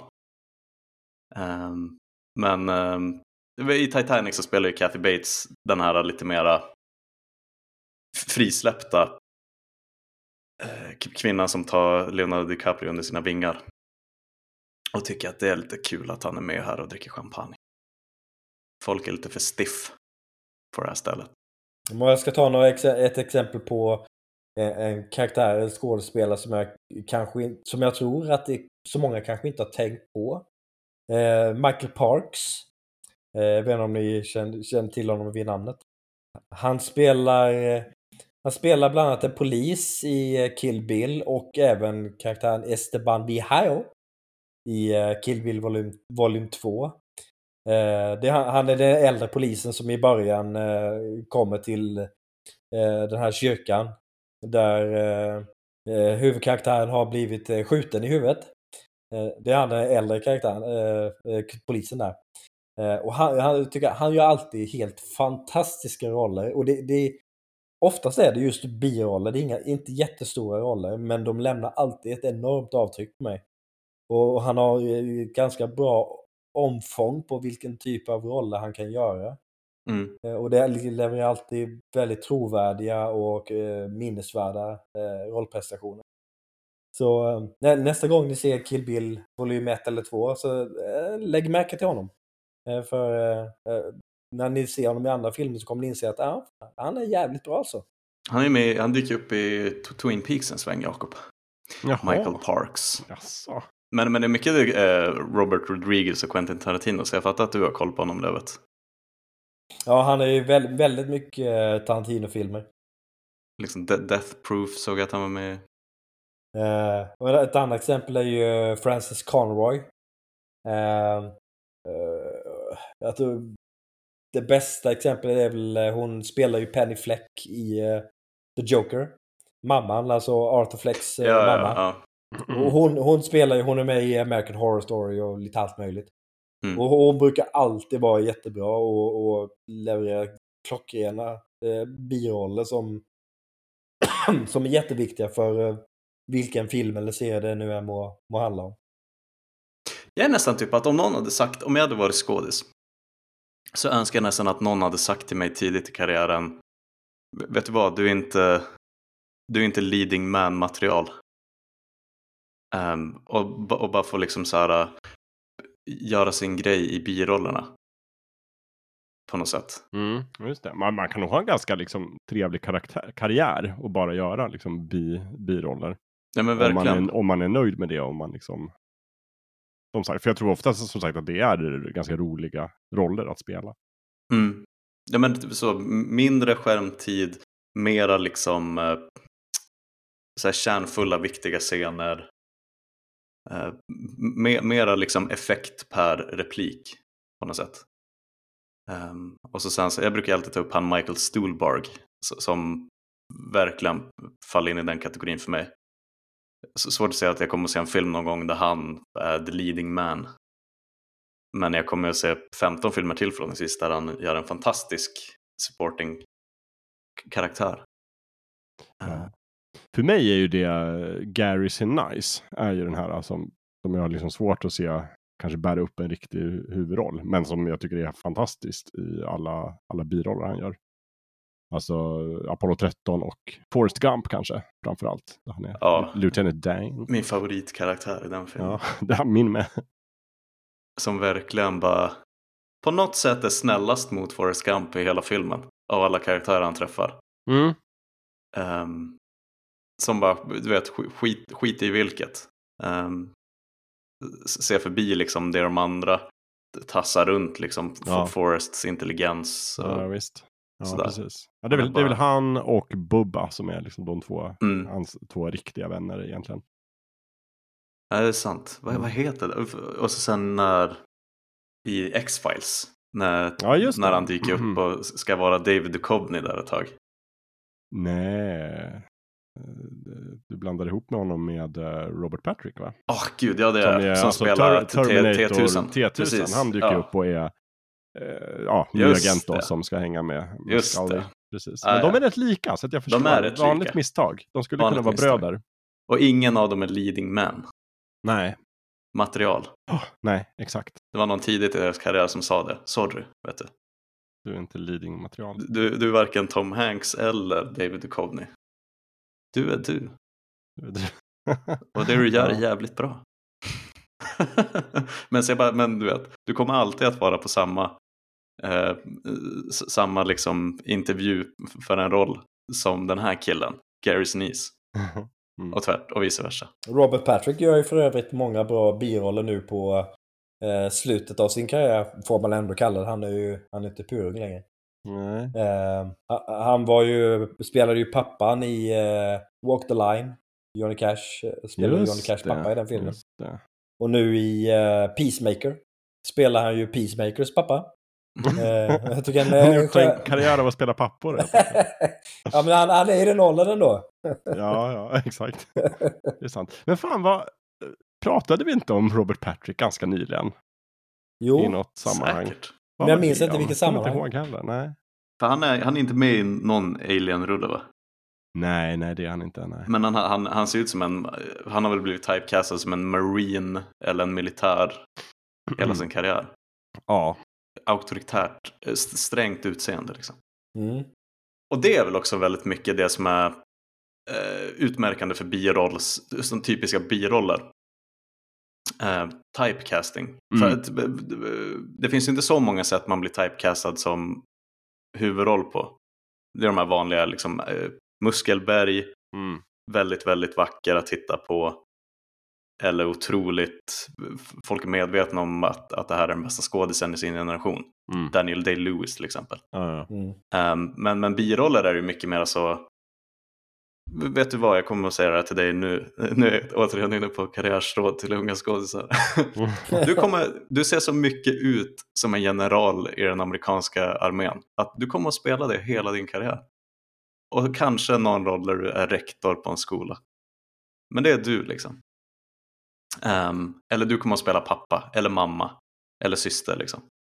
Ehm, så jag, jag tror att det är det. Man kan nog bli typecastad och så spelar man den typen av biroller hela sin karriär. Och det kan nog vara rätt behagligt alltså om man inte aspirerar till att bli nästa Brad Pitt. Som skådis. Absolut. Vill ni för övrigt veta vem jag tänkte på när fröet såddes till det här avsnittet? Nej men berätta. Um, av någon anledning så kom jag att tänka på Ace Ventura, galopperande detektiven, Mhm. den första. Um, ja, just det, så här var det. Jag såg någonting om Courtney Cox. Och så tänkte jag, det första jag tänkte var inte hon var med i Vänner, utan det första jag tänkte var fan vad bra hon är i Ace Ventura. Just det. Som Melissa Robinson. Precis. Uh, sidekicken slash love interest slash den normala karaktären i den filmen. Och då tänkte jag så här.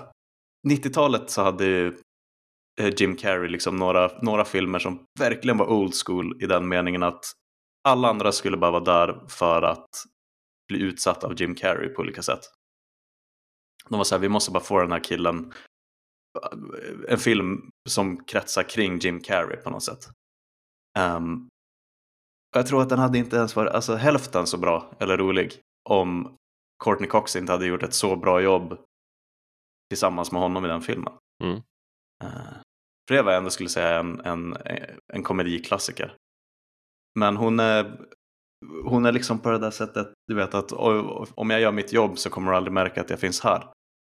Um, att hon är, hon är en sån jäkla bra sidekick till en liksom peak, peak Jim Carrey slapstick komedi med hela kroppen Mm.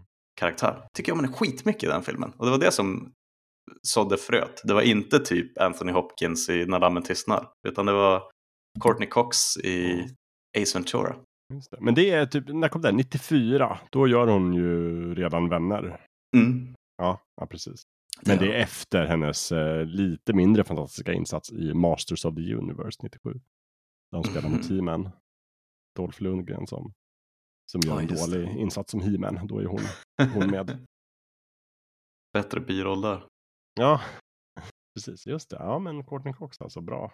Eh, Tack för det. Tack för det här avsnittet då, får vi säga till Courtney. Ja, verkligen. Tusen tack. Får jag lyfta upp några favoriter till?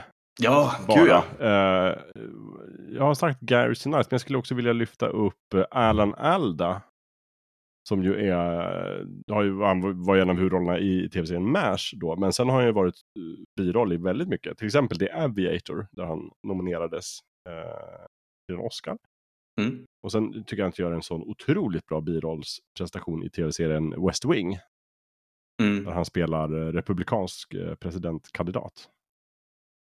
Just det. Och är bara så bra. Och han har gjort mycket. Han är med, vad är det, Bridge of Spies är han med också som någon, någon biroll.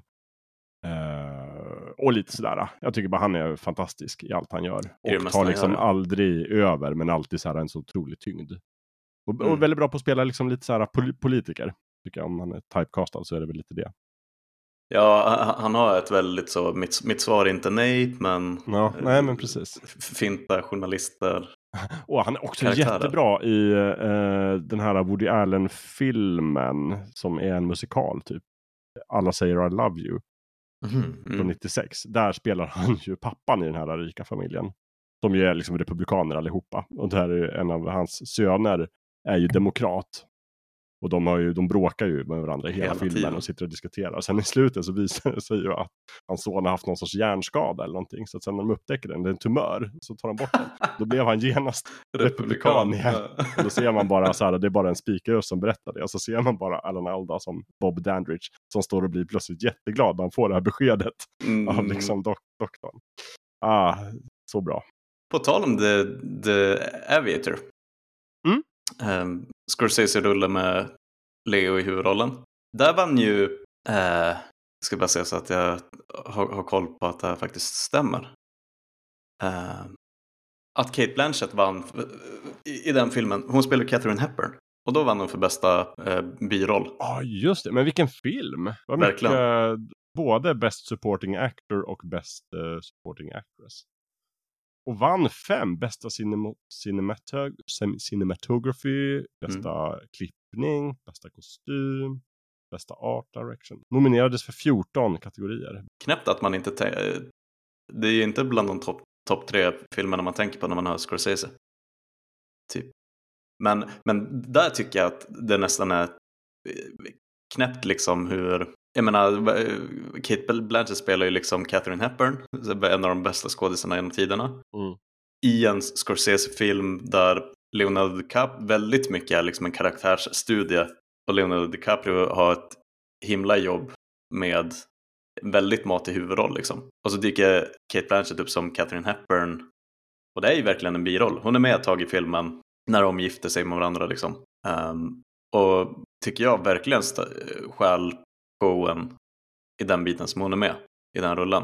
Och det måste, kan inte vara det lättaste att säga, ja ah, okej, okay. vet, vet du vad? Jag tror att det är så pass bra att jag kan spela Catherine Hepburn Mm. eh, bland alla de här andra skådisarna. Och att folk kommer att liksom säga, och, och även kommer de att stjäla showen liksom. Eh, så, så där, det tycker jag är en väldigt, väldigt värdig birollsvinst, eh, måste jag säga. Men har man spelat Galadriel så är det en liten roll att spela. Det är sant. Axla rollen som... Hepburn, ja. inga problem. Men alltså titta på, på castinglistan på den filmen. Det är ju bara, alla är ju så här, alltså, alla här skulle ju nästan kunna nomineras för en, en Oscar för Best Supporting. Mm. Alec Baldwin är med, Kate Beckinsale är med, Ian Holm, Bilbo. John C. Reilly. Jude Law som Errol Flynn. Det där måste nästan ha varit peak eh, Scorsese när, när han bara kunde ringa vem som helst. Ja, och säga, hej, jag gör en film om ett äpple. Willem Dafoe. oj, oj, oj. Brent Spiner är också med. Titta, kul. Francis Conroy är med i den också. Mm. By the way. Ja. Och alltså en fantastisk film också, måste jag säga. Mm. Väldigt bra. Ja, alltså verkligen. Det, jag, är inte, jag är inte missnöjd själv. Jag, jag, hoppas att det jag ville var att lyssnarna skulle också sitta, att, att det här skulle bli katalysator för dem att komma på alla sina, liksom, eh, sina favoriter. Mm. Uh, och det jag hoppades var att vi bara skulle sitta liksom, nästan i två timmar och bara åh, oh, just det, och så sen Whoopi Goldberg Ghost. Och så skulle jag säga åh, oh, ja, så himla bra. Men, men du Gustav, mm. Whoopi Goldberg i Ghost. Åh, oh, så, så, himla bra. ja. ja. Det får man säga. Eller i Star Trek. Bara överskuggat av att jag är äh, hopplöst kär både i Patrick Swayze och äh, Demi Moore. För övrigt, ähm, Whoopi Goldberg är en av få som har vunnit en EGOT. Det tycker jag är kul. Uh, vad är det? EGOT är ju Emmy, Grammy, Oscar och... Den hela Balloon. Ja, Precis. The whole shebang. Och, eh, och knep hon när hon spelade det här med, mediet i Ghost. Um, och där är det också så här, ja, det, det, eh, hon är skitbra i den filmen. Men där, där kan vi väl snacka, nu har vi, nu har vi pratat om biroller med lite screentime som skäl. Det är det man minns. Ghost är ju verkligen en sån film där man minns en specifik scen som inte egentligen eh, är så himla viktig eller bärande för rullen. När de, när de sitter och drejar ja, till ja. An, som, som har parodierats. Eh, tusen gånger. Ja. ja. Det är så roligt återigen. Jag vet, förlåt, jag måste nämna tv-serien Community i varje avsnitt också. Men där är det så roligt. I ett avsnitt så går ju de en, en drejningsklass. Mm. Och läraren där är bara så här, alltså nolltolerans. Ingen ska göra den här scenen från Ghost. Då kommer ni få underkänt direkt. Uh. och naturligtvis gör de den. Helt rätt. och så kommer han in där och blir helt vansinnig. Bara, nej. Ja, kul. Ja men det är väl så att du vet att många, när man ser en drejningsstation så börjar de bara tänka på sex. Mm. Ja. Uh, och det är den det filmens fel. Exakt. Um, ja, eh, nästa gång jag får bestämma ämne så tror jag att då kör vi rekvisita vi minns. Perfekt, jag är med. Jag är med. Drejstationen i Ghost. Ja. Men, men hörru, det låter lite nu som att vi närmar oss slutet ändå, lite grann. Kan vi köra någon sorts blixtrunda där man får liksom bränna av några favoriter i snabb följd? Ja, det är oundvikligt. Vi kommer ju att... Jag, jag, jag tänkte bara fråga innan vi går till den eh, blixtrundan. Eh, sidokaraktärer i serietidningar. Kan vi räkna det till biroller? Ja. Absolut. Eh, då måste jag ju nämna att eh, Venom och kanske i mindre utsträckning Carnage i, i Spiderman var ju alltid det som fick mig att läsa eh, alla, alla serietidningar, alla nummer av Spiderman för, eh, för att se när nästa Venom eh, avsnitt skulle dyka upp. Eh, så det, det är ju helt klart sidokaraktär som överskuggar eh, huvudkaraktären i, i serietidningsform. Som inte kan översättas till film på ett bra sätt tydligen. Eh, Fick in det också. Vi får väl se nu då när, när Venom finns i Marvel Cinematic Universe. Ja, det är faktiskt lite lovande. Och, och i spelform snart också. Just det. Ja, jag är ju, har jag kanske sagt om, jag är inget större fan av Venom så, men eh, jag fattar ju tjusningen. En, en otäck skurk. Carnage däremot, inget, inget för. Ja, men det, ja, men det, det är just den här kombinationen av eh, att symbioten eh, suger åt sig av eh, Eddie Brocks ilska. Och att de, det blir en symbios mellan de två. eh, Och deras gemensamma hat mot eh, Spindelmannen som har... Ja, ja, ja, jag tycker det är väldigt, väldigt bra. Fuckat med dem båda. Ja, Men där är ju, det här kanske vi borde ha lyft högre i början av avsnittet att det blir otroligt tydligt i serietidningar, seriealbum och eh, liksom eh, speciellt när det kommer till Marvel och DC. För det, det är väl någon sån evig sanning att en, en superhjälte är bara så bra som sina, sitt skurkgalleri. Jajamän. Oh ja. Men serietidningar är ju, sen kommer det ut liksom eh, ett, ett nummer som kretsar kring Venom, men att där blir det väldigt tydligt att vi, vi följer liksom Batman eller Spindelmannen Ehm, och vil, vilken, vilken biroll, vilken skurk ska han möta, stångas med nu liksom. Mm. Och de är ofta väldigt, väldigt färgstarka. Eh, alltid. Så ja, alltså Venom, vi snackade om Jokern tidigare, gud det finns så många att lyfta upp i, i seriesammanhang. Precis. Och det där är ju ett helt avsnitt också, bara liksom fantastiska skurkar. Ja, Oh ja. gud. Har vi, skulle vi har inte gjort det någon tidigare Nej, va? vi har inte gjort det tidigare. Nej, nej. Det- Otroligt. Det, det kan vi ta. Ja, det åker upp på listan. Men och, egentligen får jag bara hoppa, jag, du ska, ni ska få blixtra ur er så många tips som ni vill. Men det slog mig nu att när jag skrev körschemat för det här avsnittet så lyfte jag upp eh, Avengers till exempel. Mm. För där är det ju tydligt att det är ju en film med, med en massa huvudroller. Som kommer från sina, om vi nu snackar MCU-rullarna. Mm. Mm. Ehm, men på något sätt så finns det en, en, en uppdelning i, i alla Avengers-filmer so far där Robert Downey Jr. på något sätt är den oundvikliga huvudrollen som Iron Man. Ja. Ehm, och att alla andra är biroller på något sätt. Håller ni med mig där? Eller tycker ni att jag förenklar lite i onödan? Jag tycker nog att du förenklar lite. Jo, men alltså så här, måste man, om någon pekar med en pistol mot mitt huvud och säger så här, du måste välja, vem, vem är huvudroll i Avengers 1 och Age of Ultron, då säger jag ja, men det är väl Iron Man då. För att det känns som att hela den, eh, vad, vad man säger, Infinity-sagan, ja, Mm. de liksom, vad är det nu, är hundra filmerna som slutar med liksom Endgame. att den röda tråden där är ju liksom Tony Stark och hans Mm. liksom resa. Han, han, är- och både på båda sätten, både så här äh, i, vår värld, att han var den som kickade igång hela den här äh, filmresan med Iron Man. Eh, och också liksom narrativt då i MCU, att han är den som har försökt dra ihop och liksom väx, vuxit som människa och liksom bla bla bla, gjort en massa saker. Eh, så att egentligen tycker jag väl det. Men ja, jag vet inte. För jag skulle säga att i Infinity War och Endgame, eller i alla fall i Infinity War, så säger ju många att där är det egentligen Thanos som är liksom protagonisten. För att Mm. filmen handlar om honom och hans resa och hans liksom försök. Eh, och där spelar ju egentligen då alla Avengers bara biroller. Eh, Endgame kanske är not so much.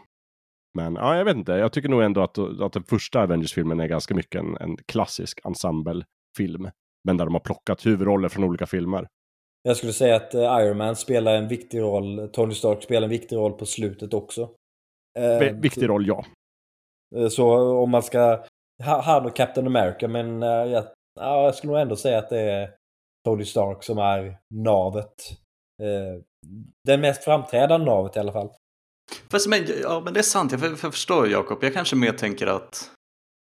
Eh, jag tänker nog mer att det är Robert Downey Jr. som är huvudkaraktär i MCU. Ja, ja jo, det kan jag hålla med För om. att, och, och det är väl egentligen min enda... Jag, tycker att slutet på Endgame, utan att spoila, den kanske den enda lyssnaren som har tänkt se den men som inte har gjort det än. Ja, men då stäng av nu i så Stäng fall. av och nu. liksom Bara hoppa fram lite så. Ehm, För att det, det känns nästan, det, det är lite, jag, jag, tycker att slutet på Endgame är väldigt så bombastiskt och konungens återkomst mäktigt. Mm. Um, men när Iron Man gör the snap och offrar sig själv för att rädda, rädda dagen så känns det i, i det ögonblicket så känns det som att det är Robert Downey Jr som gör snappen för Mm. att befria sig själv från sitt kontrakt. Vad djupt. Kevin, Kevin Feige, han är äntligen fri. Mm. Just det. Ehm, och, och, och att karaktärerna gråter för att Robert Downey Jr inte längre ska vara med i Just det. MCU. Ja, precis. Och så bara, vad Um, händer nu med våra gage? Ja. Nej men Ja, alltså, nej, ehm, en stark tolkning.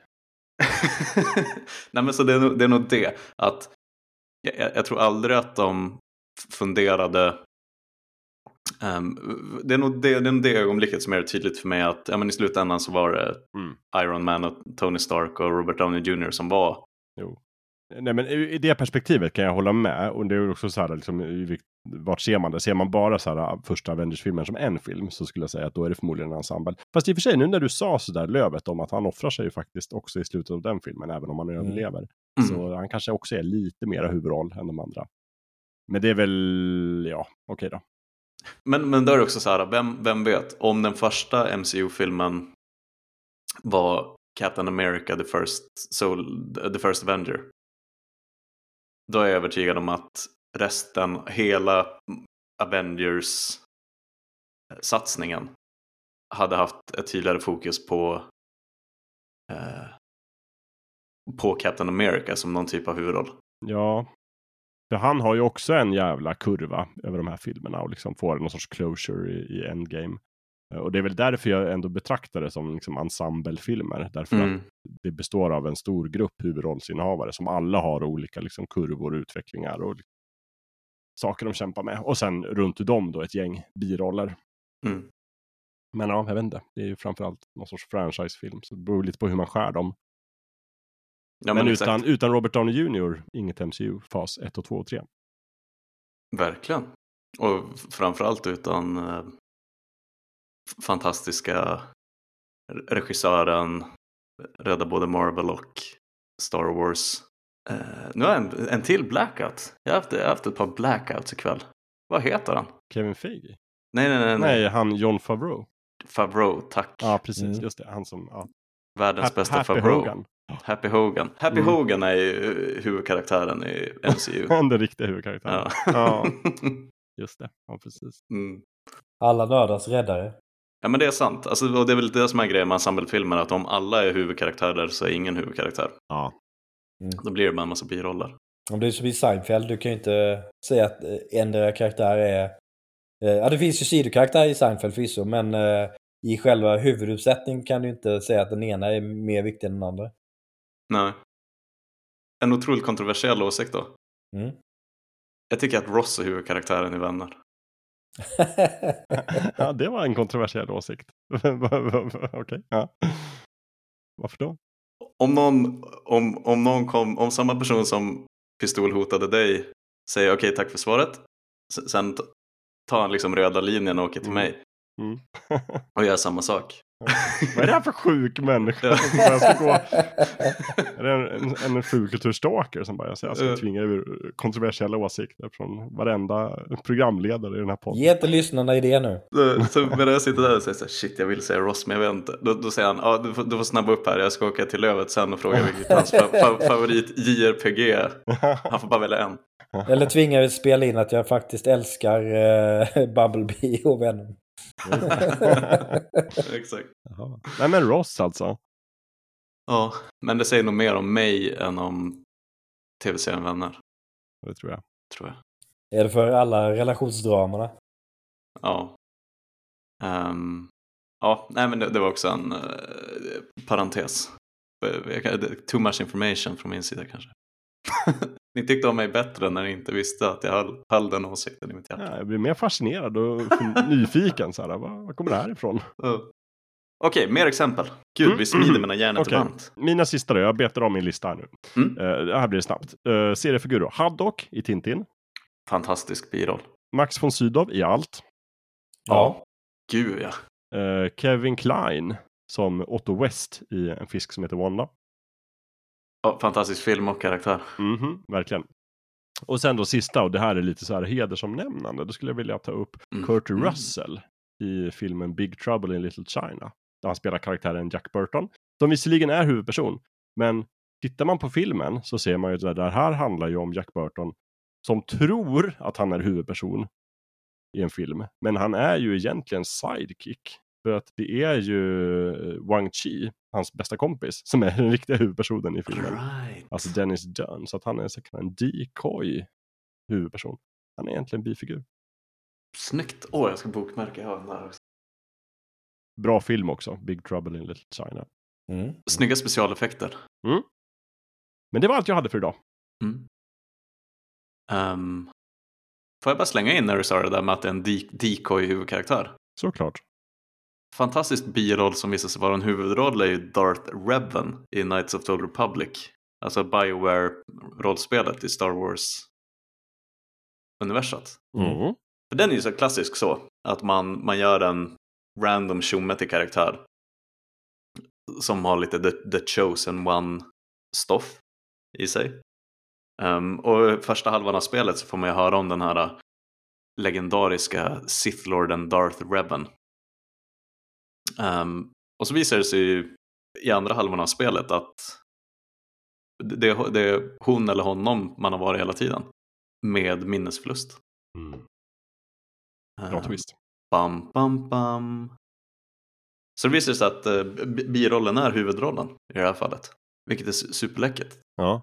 Ehm, och så lever liksom den- legenden om Darth Revan vidare sen i tvåan där man inte spelar eh, spela Darth Revan. Så gå tillbaka. Det är liksom en biroll som blir en huvudroll som blir en biroll igen. Och som också gjorde lite den där Boba Fett-resan att av hela Old Republic-satsningen så är det Darth Revan folk skriker om mest. Att de ska återkanonisera honom på ett, på ett vettigt sätt liksom.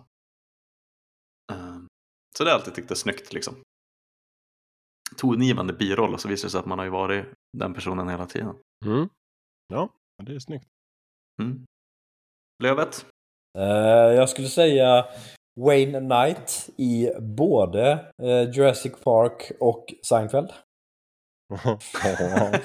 Han spelar ju färgstarka karaktärer i båda, både den filmen och den serien. I, eh, i Seinfeld är ju den klassiska Hello Jerry. Mm. Han är ju med på alla möjliga upptåg, ofta med Cosmo Kramer och hittar på allsköns dumheter. Eh, spelas ju jättebra av Wayne Knight. Och i eh, Jurassic Park spelar han ju den här, eh, eh, han är väl lite tekniker jag för mig, eh, som eh, så ska försöka stjäla de här eh, eh, DNA-proverna som de använder för att skapa dinosaurier. Eh, och så ska han ju försöka fly från ön när eh, ovädret drar in. Och så skapar han ju den här animationen på, eh, på datorn när de försöker eh, omintetgöra hans, eh, hans nedstängning. Så kommer det fram på så här, ah, ah, ah. Uh, You didn't say the right password. Uh, jättebra karaktär båda två. Uh, som, eh, och där är jag lite nyfiken, det, det, är ju en hel del sidokaraktärer, biroller i Seinfeld. Vilken är er favorit? Jag har svårt att inte säga George mamma. Hon gick ju bort bara här om, Mm, häromdagen. Ja. Mm. älskar henne jättemycket. Eh, jag, jag tycker, mitt favoritavsnitt av Seinfeld är nog det med eh, The Marbled Rye. För jag tycker att George, George föräldrar är så himla bra i den filmen. När de ska besöka hans flickvän och gå på middag med svärföräldrarna. Och så har de tagit med sig en Marbled Rye, ett bröd. Som Ja. de tar tillbaka med sig hem i bilen för att de, bara, de blev så kränkta av att de inte skar upp det. Ja, just serverar det. Men, Ja. men Frank, Frank Costanza, eh, gick inte han, Jerry, Jerry Stiller, gick inte han också bort eh, typ året innan? Jo, typ förra, förra året eller för 2020 två år sedan. gick han bort. Ja, Ja, precis. Och Estelle Harris gick bort nu bara för förrgår. några dagar sedan. Ja. Ja. Ja, men Båda de är fantastiska. Två, två fantastiska biroller. Mm. De är liksom, Frank och Estelle Costanza. Ja, just det, bra. Estelle, tack. Eh, så överdrivna karaktärer men så trovärdiga föräldrar på något sätt. Mm. Man, man kan ju verkligen se varför George blev George. ja, på verkligen. något sätt. Det är ju aningen dysfunktionellt eh, familjeliv där kan man säga. Ja, ja, ja. Festivus for the rest of us. Ja, alltså det finns ju egentligen för många bifigurer att nämna i Seinfeld. Men jag får ändå nämna om den här personen kommer med pistol och så måste jag ju säga ändå eh, Jackie Childs. Som advokaten Mm. som Kramer brukar använda. Spelas av Phil ja, Morris. Ja, så jävla rolig han är. Och Phil Morris i sig är ju en riktig legendar. Han har ju spelat massor av birolls. Han har typ bara spelat biroller också. Men i liksom Mm. Star Trek 3 och i Atlantis, din favoritfilm. The Lost Empire. Precis, och Atlantis 2, Milos Return. Just det. I typ Justice League och ja, Nicke Nyfiken-filmen. alltså han är ju överallt. Det är så, så roligt. Eh, jag tycker han är jättebra. Ja, fantastisk eh, eh, timing för ko- komedi. Ja, för an- annars brukar ju Soup Nazi ofta nämnas. Och det är en bra, det är en bra roll men på Newman-nivå tycker jag inte riktigt den är. Men det är inte med lika mycket heller förvisso.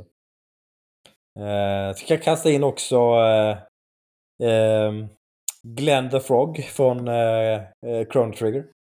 Eh, en, eh, en skön karaktär som man stöter på eh, en bit in i spelet. En, en riddare i ehm, jag tror kungen heter under Cyrus tror jag jag har vad mig kungen heter. Som blir förvandlad till en antropomorfisk eh, groda av eh, magen Magus. Eh, jag tycker det är ett väldigt bra tillskott till karaktärsgalleriet som jag faktiskt uppskattade mer än huvudkaraktären. Så, ja, det är ett, eh, ett, lite äldre spelexempel på en bra biroll. Ska, men ska, det- ska jag slänga in två oväntade som jag tror att ni kommer att hålla med om? Mm. Ehm, Bulldoggen och Husan i Tom och Jerry. Otroliga, Ja. otroliga biroller. Mm. Oh ja, oh ja. Det hade inte varit lika kul om det bara var Tom och Jerry. Jag vill också eh, lyfta, bara för att eh, min favorit James Bond, ehm, personliga favorit, vet inte om jag tycker att han liksom är bäst om eh, den här personen med pistolen åker verkligen fram och tillbaka i, i Stockholm just nu. Hur kan han vara överallt? Det är frågan. Precis, precis. Nej, men Pierce Brosnan är min favorit och Goldeneye är en av mina favorit Ah, Bond, Bondrullar. Min med. Ehm, och det tycker jag, det är en av de bästa Bondrullarna för att det är så otroligt starka biroller across the board Mm. i den filmen. Um, Isabella Scorupco som Natalia Simonova. Uh, Sean Bean är en av de bästa Bondskurkarna. Alec Trevelyan. Exakt. 006. 006. Mhm. Um, Judi Dench som M nämnde vi tidigare. Ja. Dame Judi Dench. Um. Så dyker ju Robbie Coltrane, allas våran Hagrid, upp som eh, rysk maffiaboss. Ja, just det. Precis. Ehm, och då jag kom på Goldeneye-lövet när du började snacka om eh, Jurassic Park. För att rollerna där påminner lite varandra. För Alan Cumming spelar ju Boris Det är det. Alan Cumming, ja precis. Ja. I Goldeneye. Ja, men Mm. jo, det är Alan Cumming, men han ser Mm. verkligen ut som ehm, typ Frank Zappa och ja. ehm, Weird Al Jankovic liksom. Ehm, det är lite kul, man glömmer Minnie Driver är med en snabbis i Goldeneye också. Som uh, Robbie Coltranes typ flickvän när, när, när Bond är i Moskva. Och så sen så är en annan person som jag tänker på som bra birollskådis är Joe Don Baker. Och jag tror inte det är så många som lyssnar som får ett face på det namnet när jag säger det. Men, men, Nej. men pausa podden i två sekunder och så googlar ni Joe Don Baker. Så kommer ni att se vad jag menar. Eh, han har varit med i mycket. På tal om Minnie Driver. Eh, Robin Williams i Good Will Hunting är också en fantastisk biroll. Ja, det, ja, det är också en film som, som till mycket bärs av biroller alltså. Oh ja, oh ja. Eh, jag, jag skulle säga att utan Minnie Driver och Robbie Williams så hade det inte gått lika bra för Ben Affleck och Matt Damon i sina karriärer. De hade Nej. otrolig skjuts av de två. Som bara spelar sina karaktärer i den filmen till perfektion. Verkligen. Efter den var jag förvånad att inte Minnie Driver sågs i mer, för hon är ju suverän i den. Ja, alltså den, den scenen när de eh, har sitt uppbrott är ju spelar ju Mycket starkt. båda två otroligt starkt. Och, och alla som någonsin har tänkt fan, Matt Damon är ganska träig skådis. Um, så är faktiskt, man måste gå tillbaka till Good Will Hunting ibland och bli påmind om att han har riktiga acting chops. Och det syns. Uh, många hade misslyckats att, att gå upp mot Minnie Driver och Robin Williams i den filmen, men det gör han alldeles galant. Oh ja, verkligen. Um, ja, ja, shit, bra, bra att du sa den Lövet. Det hade smärtat att, att missa att, att ta upp den. Det fina är ju att oavsett hur många vi säger här i slutet så kommer vi ändå komma det på sen när vi har stängt av Exakt. inspelningen så kommer vi liksom, fan, vi kommer vakna en natt och bara, åh, sa jag inte det? Ja, Och folk kommer skriva in till oss och, och så här, "Ah, varför sa ni inte den här ah, birollsinnehavaren är jätte, jättebra. Och vi kommer behöva säga, ja, ni har rätt, mm, det glömde vi. ja. Och så. Men det betyder ju inte att vi inte vill att ni ska skriva in och berätta alla birolls, biroller som vi eh, har missat att ta upp. Gör gärna det. Ja, alltså, om någonting är väl det här ett, ett avsnitt, det har aldrig funnits vi har nog aldrig gjort det så lätt för våra lyssnare att säga ni, glömde att ta upp det här. Nej, precis. Jag skulle vilja gå steget längre. Jag skulle vilja efterlysa en topp fem listor av alla lyssnarna. Topp fem bästa biroller. Mm. Det vill jag ha inskickat. Och då går man in på fulkulturpodden.se, klickar på kontakt och eh, skriver i formuläret. Eller så skriver man bara i en kommentar eller direkt på Instagram, Fulkulturpodden. Och då kommer du kunna säga i nästa avsnitt Gud, vet du vad? Vi var så otroligt dumma Mm. förra gången. ja, vi men glömde ju att säga. Ja, exakt. Just det. Får jag kasta in en sista som jag precis just Absolut. nu kom på? Kasta! Eh, eh, när, jag, när jag skulle se Jojo Rabbit så tänkte jag mig att Ta- Taika Waititi som, som Hitler. Det, det, låter, det låter ju hysteriskt roligt. Det måste ju bli fantastiskt bra. Men när jag faktiskt såg filmen, då var det ju Rebel Wilson och Sam Rockwell som var den verkliga behållningen med den filmen.